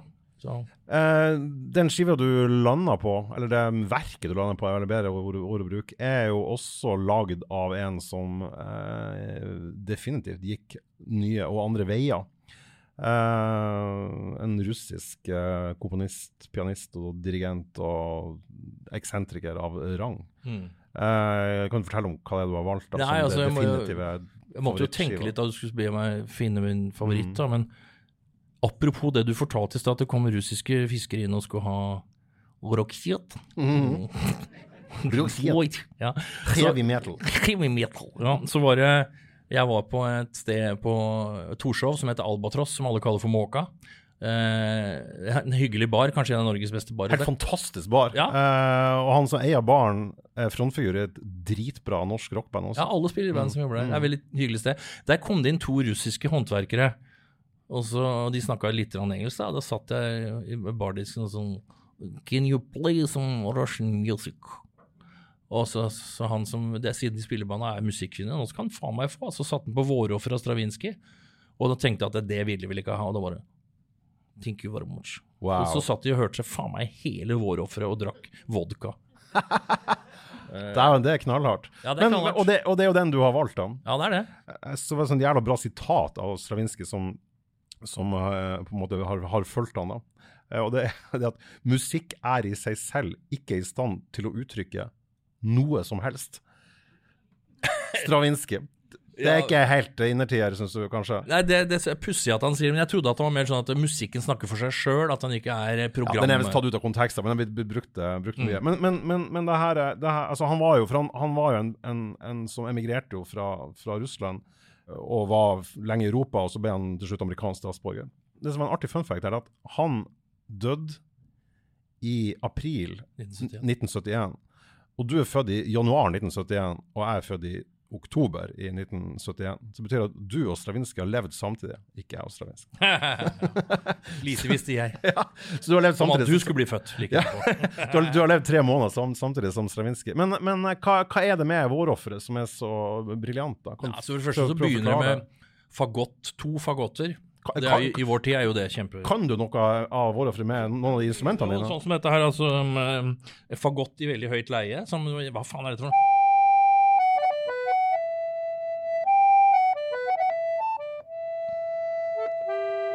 Ikke sant? Det er helt magisk, den der begynnelsen av disse fagottene, og så blir det mer og mer sånn skummelt, og sånn, og så kommer det derre amazing akkordene så, altså, som er en E7 og en S7 samtidig. Har du hørt den lyden før, liksom? Det er ikke så jævla mye brukt, S7 og E7 samtidig, men det, det slår så jævlig i mellomgulvet, og, og det er så polrytmisk og så avansert, da. Men jeg har lest en del om Morofferet. Det ligger også et intervju med Stravinskij hvor han snakker om um, When I wrote the Right to Spring, I didn't follow any rules. Og så sier han at han skrev den i en leilighet i Sveits, på piano. Han drev og holdt på med dette her. Og det du, Han bodde i Sveits, han og familien, lenge. ja. I 1911 rundt der satt han og pusla med dette her, og da var det en, eh, en gutt i matrosdress som gikk og hadde sånne vanlige pianotimer som gikk forbi vinduet hans. And he, the boy was shouting to me, it's wrong, it's wrong, but I was right. Å, det er jævla bra. Det er fantastisk stykke musikk, og det, og det, det uroført i 1913 stor skandale og alt sånt i Paris, men jeg bare hørte 100-årsjubileum i 2013 da, for dette her, og det låter jo moderne den dag i dag, Ja. samtidig som det er også jeg veit ikke hva jeg skal si. Det er jo um, veldig komplekst, da, samtidig som det er vakkert og underlig og, og sånt. Også, det ligger for øvrig en veldig bra Netflix-dokumentar fra 1982 om Stravinskij eh, på Netflix. da. Den er veldig bra. Den holdt på i to, to og en halv time, den gangen folk hadde god tid. Eh, og da sier han I'm not a composer of music, I'm an inventor of music. Mm. Det er ganske heavy statement, men han har faen meg rett, altså. Absolutt. Han, han, han fremførte jo den amerikanske nasjonalsangen en gang, og der han la til Han mente jo den ikke var helt sånn komplett. Og da ble han faen meg arrestert, for det, faktisk, det står i det amerikanske grunnloven at du ikke har lov å kødde med den. Men da må man kødde med det. Ja, selvfølgelig. Så, så han gjorde jo det. Men han var, altså, det, var, det var jo noe punkrock over Stravinskij da. Altså, altså i attituden, tenker Ja, jeg på. rebell. Og så Ja. han og så jo, fikk han noe tyn fra de andre komponistene, ikke sant, som, fordi at han brukte med folkloristiske motiver. Og, og så forteller han i den dokumentaren at øh, hver eneste lørdag så dro det jo familien til Ukraina for å handle på markedet. Og der var det et folkemusikkband som spilte eller ti hver gang, så han var veldig påvirka av den folkemusikken derfra. Pluss at han var jo eh, Familien var jo blodateister, men han var religiøs, så han gikk og lytta til ortodoks sang i, i kirkene. Så den blandinga av ukrainsk landsbymusikk ortodoks sang, altså det var veldig viktig for meg. Og så var jo Debussy hans favorittkomponist. Det var jo en slags kulturbro mellom St. Petersburg og Paris den gangen, hvor både med malere og komponister Alle de store ko- komponistene er fra St. Petersburg. ikke sant? Og Ja. Rimskij-Korsakov, som var et tung alkoholiker som aldri var edru, han lærte jo opp hele gjengen. Ja, Ripovskij. Han som har stjålet mest. Nei da. Nei, så det, det, det anbefales. Den, den går liksom ikke Ja, den skal jeg den se. der, altså. Men, men det, det, det, det har alltid vært veldig sånn fascinert av med de som, de som eh, kun hører på klassisk. Nå er jo Nordlysfestivalen her nå, så det er jo sikkert en del folk her ute som er veldig veldig fan av klassisk musikk. Jeg, har aldri på en måte orka å gå inn den døra. Jeg synes Det er masse av det jeg syns er fint, men det er bare så jævla lange låter og lite vokal og lite gitar. Men, men, jeg- men, men, men, jeg- men jeg, Nei, nei, jeg kommer inn, vet du. ja, ja, men jeg syns det er kjempefint. Men jeg, har- men jeg har aldri satt meg inn i det. da. Nå hadde jeg håpet du skulle kunne prøve å forklare meg litt, for at, altså, som en novise, som jeg er veldig åpen på. For når man da skal høre på f.eks. Mozart eller Beethoven, eh, så kjøper man en CD fra Naxos eller Dodge Grammofon med noen dirigenter. Dodge Dodgy-grammofon. Ja. Ja. og, eh, men det jeg da hører, er jo egentlig karaokeversjoner av den originale greia. Som Litt slappe versjoner. Ja, for jeg, jeg vet jo ikke hvordan det hørtes ut, eller hvordan det skulle høres ut på 16-, 17-, Nei, det kan man lure på. Så man får egentlig aldri høre originalt. Grieg får du det. Han rakk jo Ja. faktisk å spille en plate i, tidlig på 1900-tallet. Og, og, og Stravinskij eh, finnes det jo opptak som er hans original. Da hører du hvordan det Mm. skulle høres ut. Men hvis man liksom skulle kjøpe la oss si Beatles fremført av noen tyskere i dag, gitt ut på Deutsche Grammofon Her er, sånn, her er Beatles. Det er, det er veldig, veldig rart, altså. Ja, det, det er et godt poeng der. og Folk, altså, det var jo veldig mye mer regionale forskjeller på spillestil og sånn. Altså Mozart var jo i Italia, for der hadde man en helt annen måte å spille og skrive på. Og så var han jo i, i Vatikanet og hørte den hellige sangen som aldri skulle ut derfra. Men han jævelen hadde jo klisterhjerne og bare skrev ned hele dritten. Så for, å, er det sånn det låter, ja? Å, å, det er ikke lov. Jeg aldri trodde at noen skulle greie å huske alt sammen, men det gjorde han da. Så, så det var altså, og, og det, altså Tyske komponister suite i italiensk stil og sånn, eksempel. Så det var små regionale forskjeller, og det kan man høre på klassiske eh, opptak eh, fra 30-40-tallet og sånt. Altså, folk spiller f.eks. fiolinister helt forskjellig. I dag så låter alle veldig likt. Ja, ok, Fordi da det- blir det på en måte Ja, glatta til ja, altså, alle, du kan høre på hva som helst når som helst fra hele verden. Så det er, det er slutt på de regionale forskjellene. men det er sånn, Og Wienerfilharmonien er jo snart ikke en østerriker igjen der, så de sliter med å spille den der avlange toeren vet du, i valsen. Hvis det er lov å si det, høres ut som en diagnose, men altså, dunka, altså Det er ingenting som er metrisk, ikke sant. Så, ja, så Nyttårskonserten, det er jo bare japanere og gamle nazister her, men altså Er alle enig i det du sier nå? Ja, er det dette, er, dette er allmenn kjent, men det er bare, bare for Det som er eh, østerriksk musikk, da, bare for å ta tak i akkurat det du sier der, så er jo altså dette, Metronomen er jo satansverk. Det er en moderne oppfinnelse som da Alt skal være helt sånn klikk-greier, men så hører så til og med Radetzky marsj, som alle er så glad når de får klappe med på første nyttårsdag, ikke sant? Den er jo ikke Den, har, den henger. Ikke sant? Det er magien i den rytmen der. Det kan du ikke notere. Og så har du wienervalsen, som er eh, Ikke sant?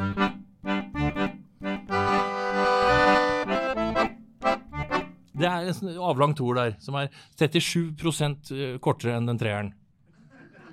Det kan du få på blå resept. Det er masse sånne ting. ikke sant? Og så har du f.eks. da eh, rumensk folkemusikk som kan være uh, La oss si det er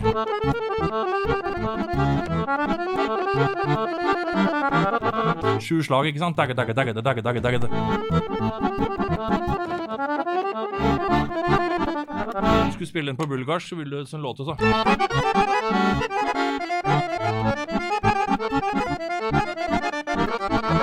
Fordi at man har flere ornamenter. Eller dobbel ornamentikk. Da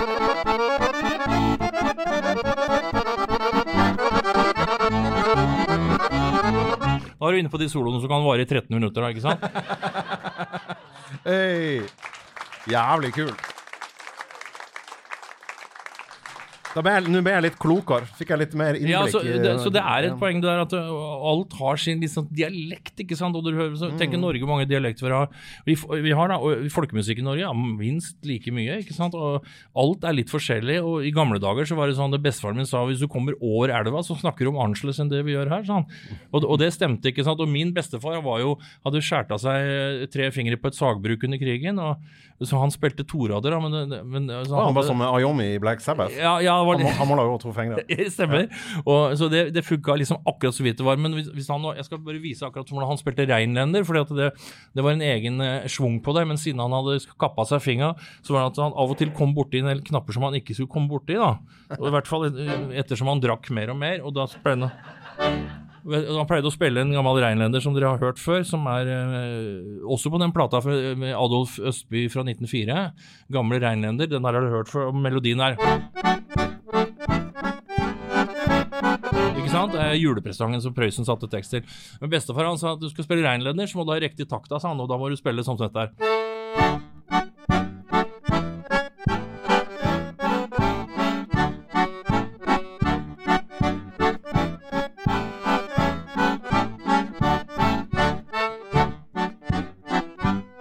Du holder igjen litt, du er ikke sånn det er dritkjedelig, ikke sant? Ja. Men så da bestefar ble full, og bestemor skjenka han med en slags Hevert-system, så, så ble det at da begynte, begynte han å bli fullere, og da låter det mer sånn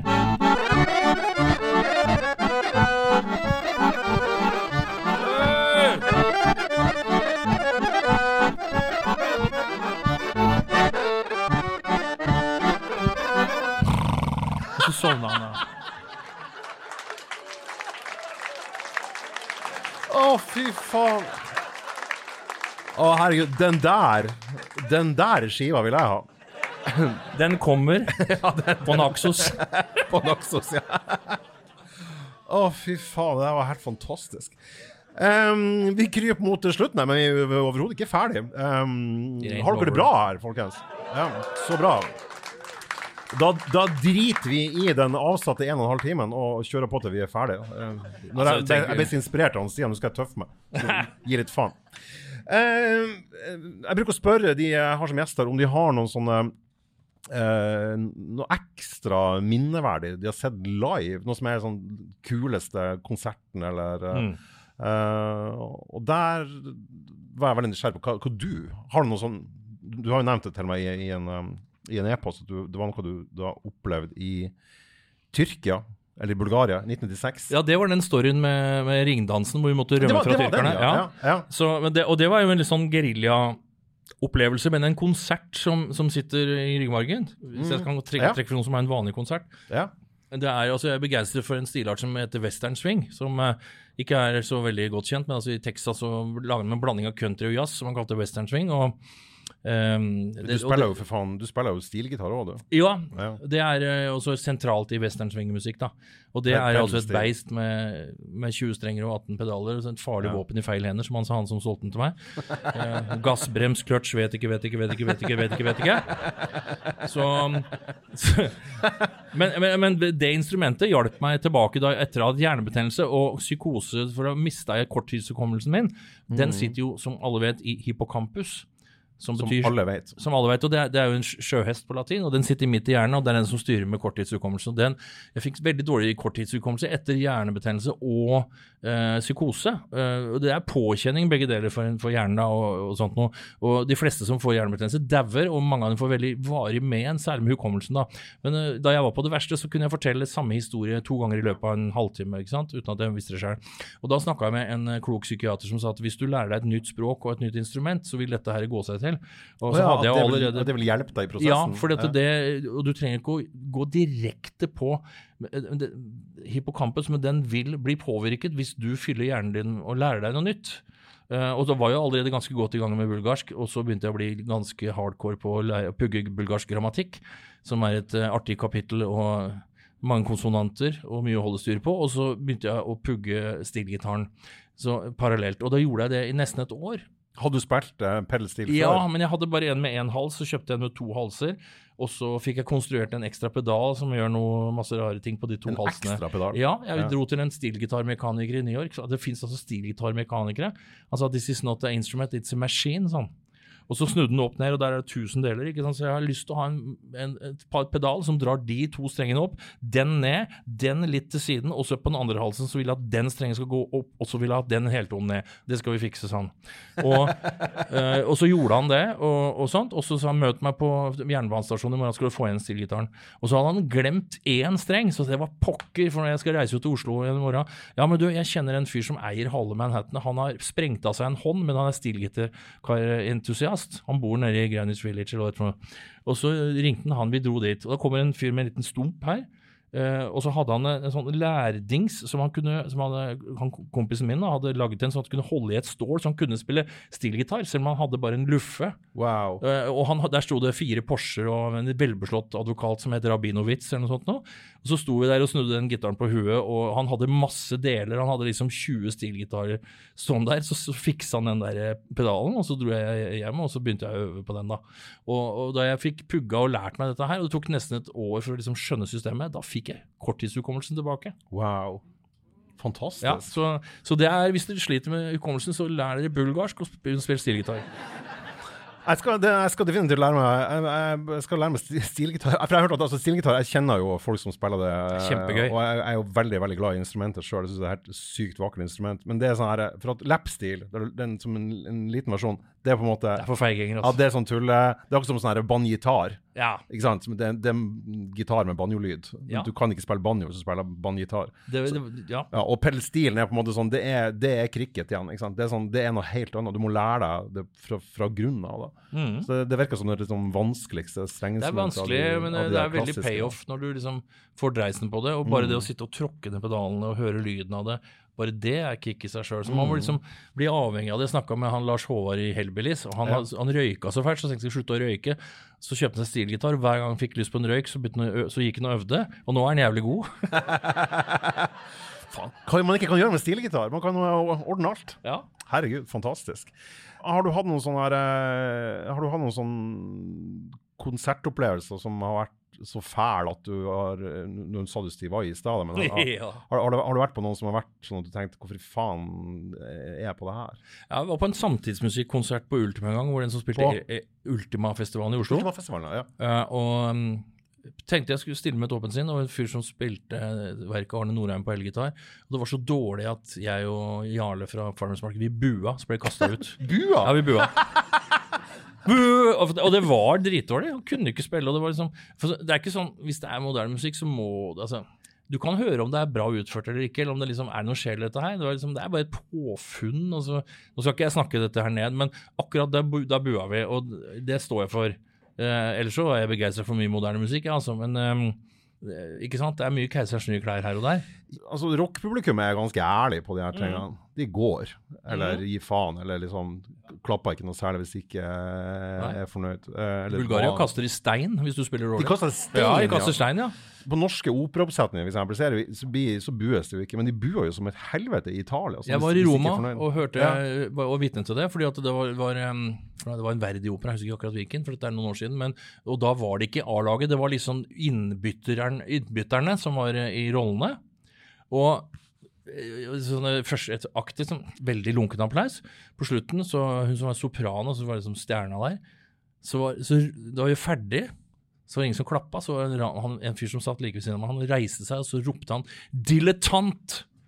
Og så begynte publikum å bue, og hun begynte å grine og gikk av scenen. Å, fy faen, det er hardt. Det er hardt. Ja, det er knallhardt. Har, har du opplevd at folk har, om ikke bua, men du har, at du har skjønt Jeg har blitt at kasta flaske på. Da spilte jeg for Scania-foreningen, altså trailersjåførenes laug, og, ja, på Lørenskog.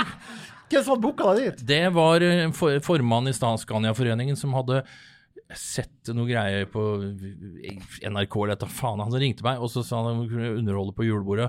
Og så var han så veldig opptatt av at det er mange som har fordommer hos trailersjåfører, altså, men vi leser bøker og hører på P2. Og Så jeg sa ja, jeg har ikke sagt noen ting, jeg, sa jeg. Eh, Og så, og så Og vi hører på P2! Ja, vi, så, vi hører på P2 og leser bøker. Akkurat som han, noen hadde sagt si, si det, for da blir han sikkert være med på den spilleoven. Sånn. Han ringte meg flere ganger så opptatt av det at det var så mye som var fordommer mot oss, men vi er folk, vi òg. Vi er interessert i kultur og kunst og litteratur og sånn. Ja, fint det. Så kom jeg dit, da. Og det er det er verste spillet jeg har hatt noen gang. Altså, jeg begynte å spille, og jeg spilte mest utadvendte jeg kunne, liksom. Og, med trekkspill? med trekkspill og banjo og greier. Og de kasta ølflasker, jeg satt og dukka sånn. Men jeg tenkte jeg skal faen ikke gå av. Så var det en fyr som ropte 'spill noe DDE', liksom. Og så fikk jeg da øye på at det var eh, en av disse sjåførene som sikkert hadde tatt med seg en kvinnelig haiker fra, fra Øst-Europa, som så ut som en blanding av Sitting Bull og Bonnie Tyler, med sånn stadionsminke og, og krigsmaling og sånn, og håret rett til værs. Og så tenkte jeg hvis jeg spiller litt sigøynermusikk nå, så kanskje dette ordner seg. Og så gjorde jeg det, og da spratt hun opp på et bord og begynte å danse magen hans, og da var jo kvelden redda. Så du ble igjen berga av uh, Altså, ok, La meg spille fire ja. sekunder av det. Ja, ja, ja.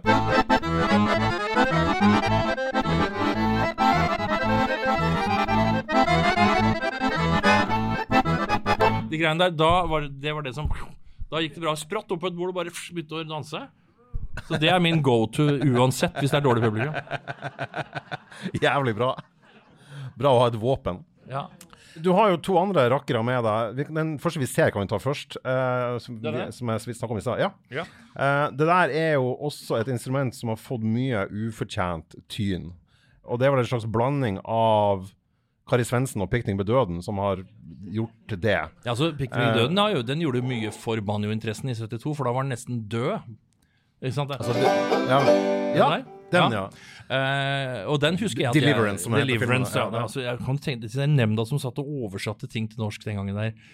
Ja. Altså, This is Spinal Tap. Hjelp, vi, er i popbransjen. Ja. Ja. Altså, noen har sittet og sagt ja, det går vi for, den er bra, flott, da er vi ferdig med dagens møte. Jeg bare tenkte, jeg venta på hjelp, vi danser med ulver. Ja.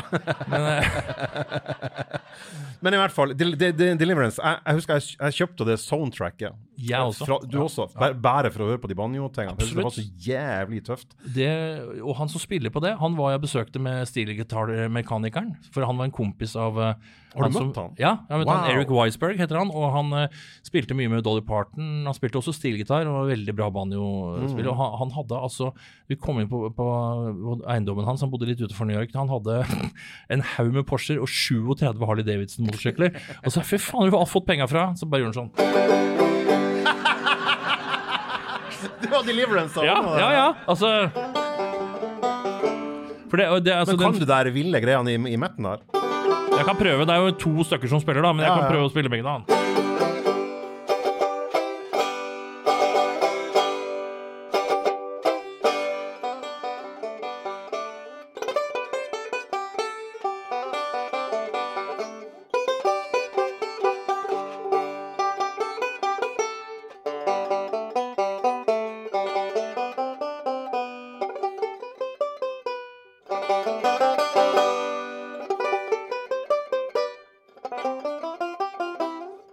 Snart ferdig med det kjedelige, altså, så kommer det som heter Å,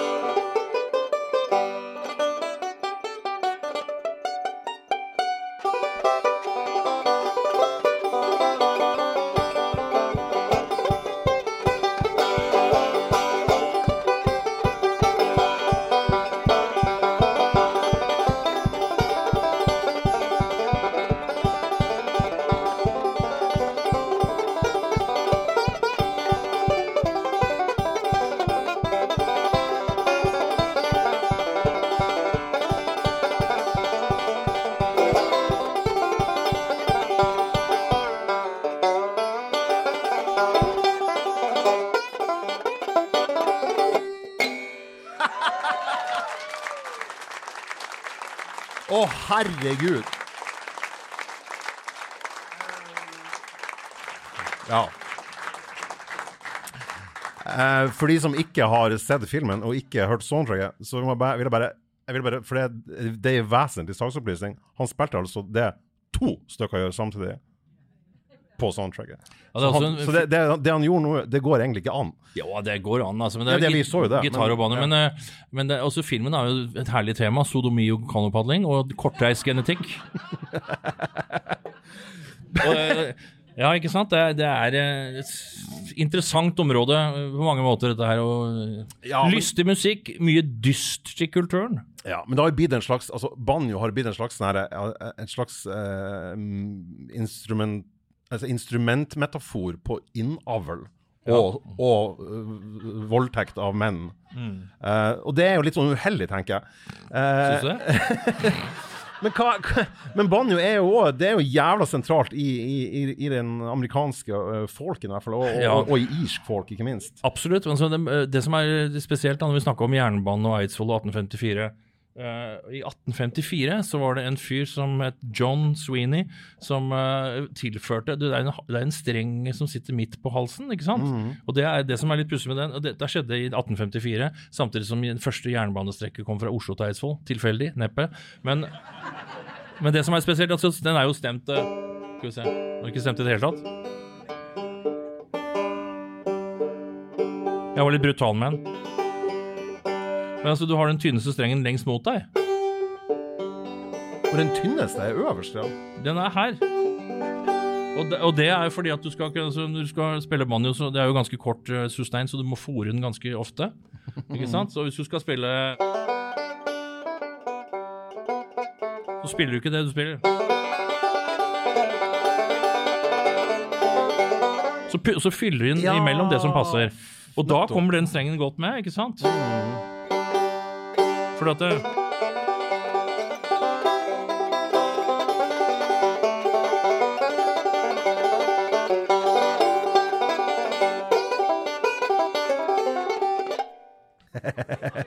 Det ser så jævla lett ut. Ja, det er en egen vitenskap, dette med banjo. Du har forward roll, backward roll, alt dette her. Og det lærte jeg av en fyr i Kentucky, en liten bygd som heter Olive Hill, som for øvrig er hjembygda til Tom T. Hall, som skrev Hvilken mest kjente låten han skrev? Som Inger-Lise Rypdal hadde en stor hit med. Ingrid Rypdal. Ja, oversatt til norsk av Terje Mosnes. Ja. Ja, ja, den var, jo, den var jo for faen sensurert på NRK. Ja, stemmer det. Ja, ja, ja, ja, stemmer Eh, det. Mm. Tilsynet for høg moral, det er i Kentucky, det, vet du. Så, Ja. så den er direkte oversatt. Men der var jeg hjembygda til Tom T. Hall, en liten statue der, og så bodde det 750 sjeler der, og de så ut som de ikke hadde gått over bekkenet etter fostervann, altså. eh, man tager hva man haver. man tager en høne. Men i hvert fall, jeg, jeg traff, traf, eh, en fyr som satt på en butikk som het Bait and Ammo, altså gjeddesluker og kuler og krutt, og der satt kara og spilte bluegrass hver onsdag på formiddag. Og sheriffen var det. han veide i hvert fall ja, diger fyr med revolver og satt og hørte på og sånn. Og så gikk jeg bort til banjospilleren og så spurte jeg er, det- er mulig å få banjotime der. Og så, well, boy, you ain't from around here now, boy, are you? Så sa no, I'm from Norway. Og så sa han, well, that's quite a drive. Ok. Det jeg bare, ja, greit det. Og så, så, um, og så sa han, yeah, sure, I can teach you how to play the banjo. Og så ble jeg med hjem til han, og sa han, put your first finger here, you put your second finger there, number six over there. Og resten er historie. Men i hvert fall så lærte jeg Cripple Creek, som var en enkel låt, og så blei vi liksom gode venner. Og han hadde en sånn en gallon eh, ikke sant, med sånn corn liquor, sånn Snøfte Smith som du må legge der mens Ja. du drikker. Og når vi begynte å se båndene dine, da skal jeg si det var god stemning på kjøkkenet der. Og det var da han sa de berømme, de bevingede ord You know, I like you, son. I like you to meet my family. I like you to meet my wife and sister. Og så kom det ett menneske inn, og da, Oi, oi, oi, oi, oi. Da begynte jeg å knitre med bilnøkla. Men du har jo med deg en til eh, rakker her, og den er jo eh, ikke sånn eh, Det er jo ikke instrumentet man tenker at eh, Hvis man ser på nachspiel, tenker at nå har det vært skikkelig kult om noen tok frem sekkepipa. Eh, jo. Eh, men du sa jo i stad her at, at ACDC var så jævla kjedelig. Du, når du hørte på det, så hørte du at det var så, så kjedelig. Men, men de har jo på um, Nei, jeg syns ikke egentlig det, men den Nei. gangen, for da var jo huet fullt av Beethoven og Mozart og sånn. Men liksom, de var jo eh, Foreldrene deres var jo skotske immigranter. Absolutt, Eh, så absolutt. de hadde jo med seg mye skotsk kultur til Australia, da, der de, der de slo seg opp. Haggis og Haggis og, og sekkepipe. Og på um, it's, it's a Long Way to the Top If You Want to Rock and Roll, den låten, så spiller jo faktisk Bon Scott sekkepipe. Jeg gjør den det? Ja! Så den er på nummer én på lista her over uh, Dette er de ti beste sangene med sekkepipe noensinne, Ja. som vi hadde for ett år siden. Jeg kom på en annen australsk sang med sekkepipe òg. Hva Ja. tror du det er? Annen australsk sang. Skal vi prøve? Ja. Kan hende at jeg må stemme litt. I Should Be So Lucky med Kylie Minogue. stemme. Du, Er det Gore-Tex der? Dette er militært overskuddslager. Altså, dette er, Det er det, ja. ja. For å være helt ærlig, dette er altså en, eh, det er faktisk en, en, en georgisk sekkepipe. Jeg var i Tbilisi. Dette fortalte jeg hvis det var noen som var her i går, men jeg kan fortelle hvis det er noen som ikke har vært her. og Da, da var jeg der for å høre på mannskor, mannskorsang. Herlig musikk. Og så, så så jeg at de spilte sekkepipe, og da var det en av de gutta som sa så jeg har lyst til å kjøpe en sånn. Tomorrow you meet me eight o'clock. Altså Buy shop. Og så kom jeg dit og sånn First we go drink. Og så drakk vi, og så sånn Now we go to border Armenia. We go, we, we crawling, we take a knife, we cut tent, we make a bagpipe. Det er ikke engang resirkulering, det er stjålet. Det er stjålet. hvis- ja, det- fordi at det, Og jeg vet ikke om det var noen folk i det hele tatt, men det var i hvert fall inne i Armenia. Og så skar ut en hel haug, og så Now we go to bagpipe maker. Now you give bag, bagpipe maker vodka, he make for you still bagpipe Armenia. But play not Armei music. Never! Play Georgian music. Og så tok han fram en kniv, og han tenkte at skal han drepe meg. Og så skar han litt her, så skar han der på seg sjøl, og så blanda vi blod. Altså, vi er blodsbrødre per def. Ja. Wow. Så det kan, du kan få høre åssen det låter. Da må jeg nesten stå der, for det her det, det Ja, du skulle skal spille en australsk låt på Ja, det skal jeg. Ja.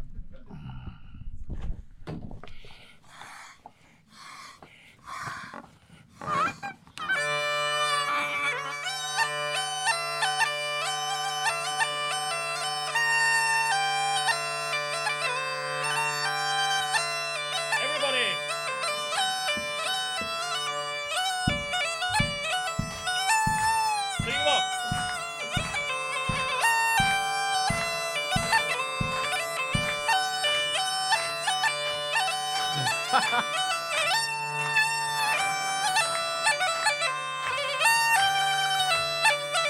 OK. Det er noe så, men det er jo det er artigere med, med georgiske låter, for de går litt fortere, så jeg kan ta en liten smakebit av en liten eh, georgisk låt. Never play Armenian music. I, I kill, kill you if you play Armenian music.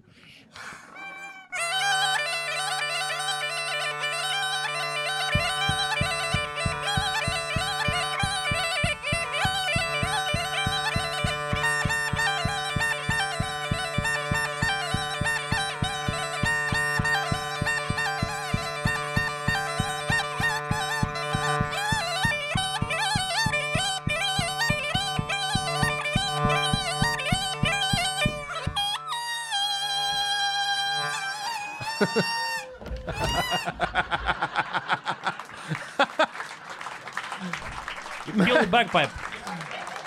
Eh, fantastisk. Men den er jo eh, Det er jo Gore-Tex her, så det må jo Det, det er jo da eh, eh, den, den blir jo Lufta går ikke ut av det der. Det blir jo eh, det, Er ikke de vanligvis noe skinnstoff? det? Vanligvis er det en vrengt geit hvor man da finner kroppens naturlige hulrom, og så setter man inn. Ja. Eh, og dette her er jo en enveisventil. Ikke sant? Og det som er fordelen med en vrengt geit, er at den er jo organisk materiale. Når du puster inn det, det blir alltid så fukt og bakterier som følger med, så forsvinner det ut i det organiske der. Lufta Men ja.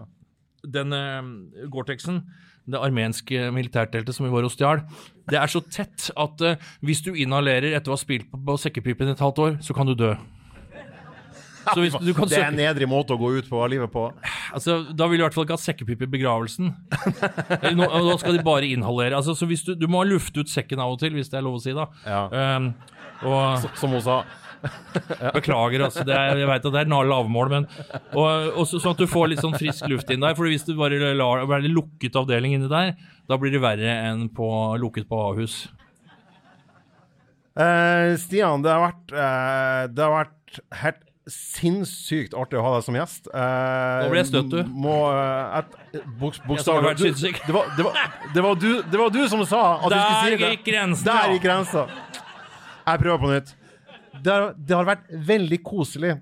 Der, ja! Nå Ja, er vi inne på ja, noe. ja. Det har vært jævla trivelig å ha deg som gjest her. Det har vært et helt fantastisk publikum. Ja, eh, to timer er langt over tida det vi skulle gjøre, men jeg, jeg, jeg syns det var verdt det pga. Din, så. din innsats. Og så kan jeg få si én ting før vi runder av. Fordi Jeg var i din plateforretning i det herrens år 1999, da South Park-filmen kom. Ja. Og da kjøpte jeg soundtracket på CD av deg. Og da Ja. kjente ikke du meg, men jeg visste hvem du var og sånn. Men, og så kom jeg hjem, og da hadde jeg mine Det var i 1999, ja, fire år, min eldste sønn var fire år. Jeg ble da to uker senere innkalt til læreren til min sønn, Gabriel, med bekymringssamtale fordi han sang 'Shut your fucking face, Uncle Fucker' på skolen. Og nå er ringen slutta. Ringen er Det sluttet. full circle. Tusen hjertelig takk. Ok. Vært fantastisk å ha deg her.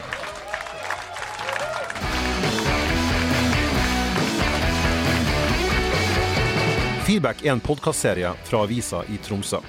Produsenten for sendinga var han Svein Lian, og jeg heter Egon Holstad.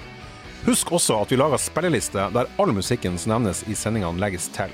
Og de finner du på hjemmesiden til Tromsø i feedback-seksjonen, der du også finner anmeldelser av plater, anmeldelser av konserter, samt intervjuer, lister og masse annet aktuelt musikkstoff.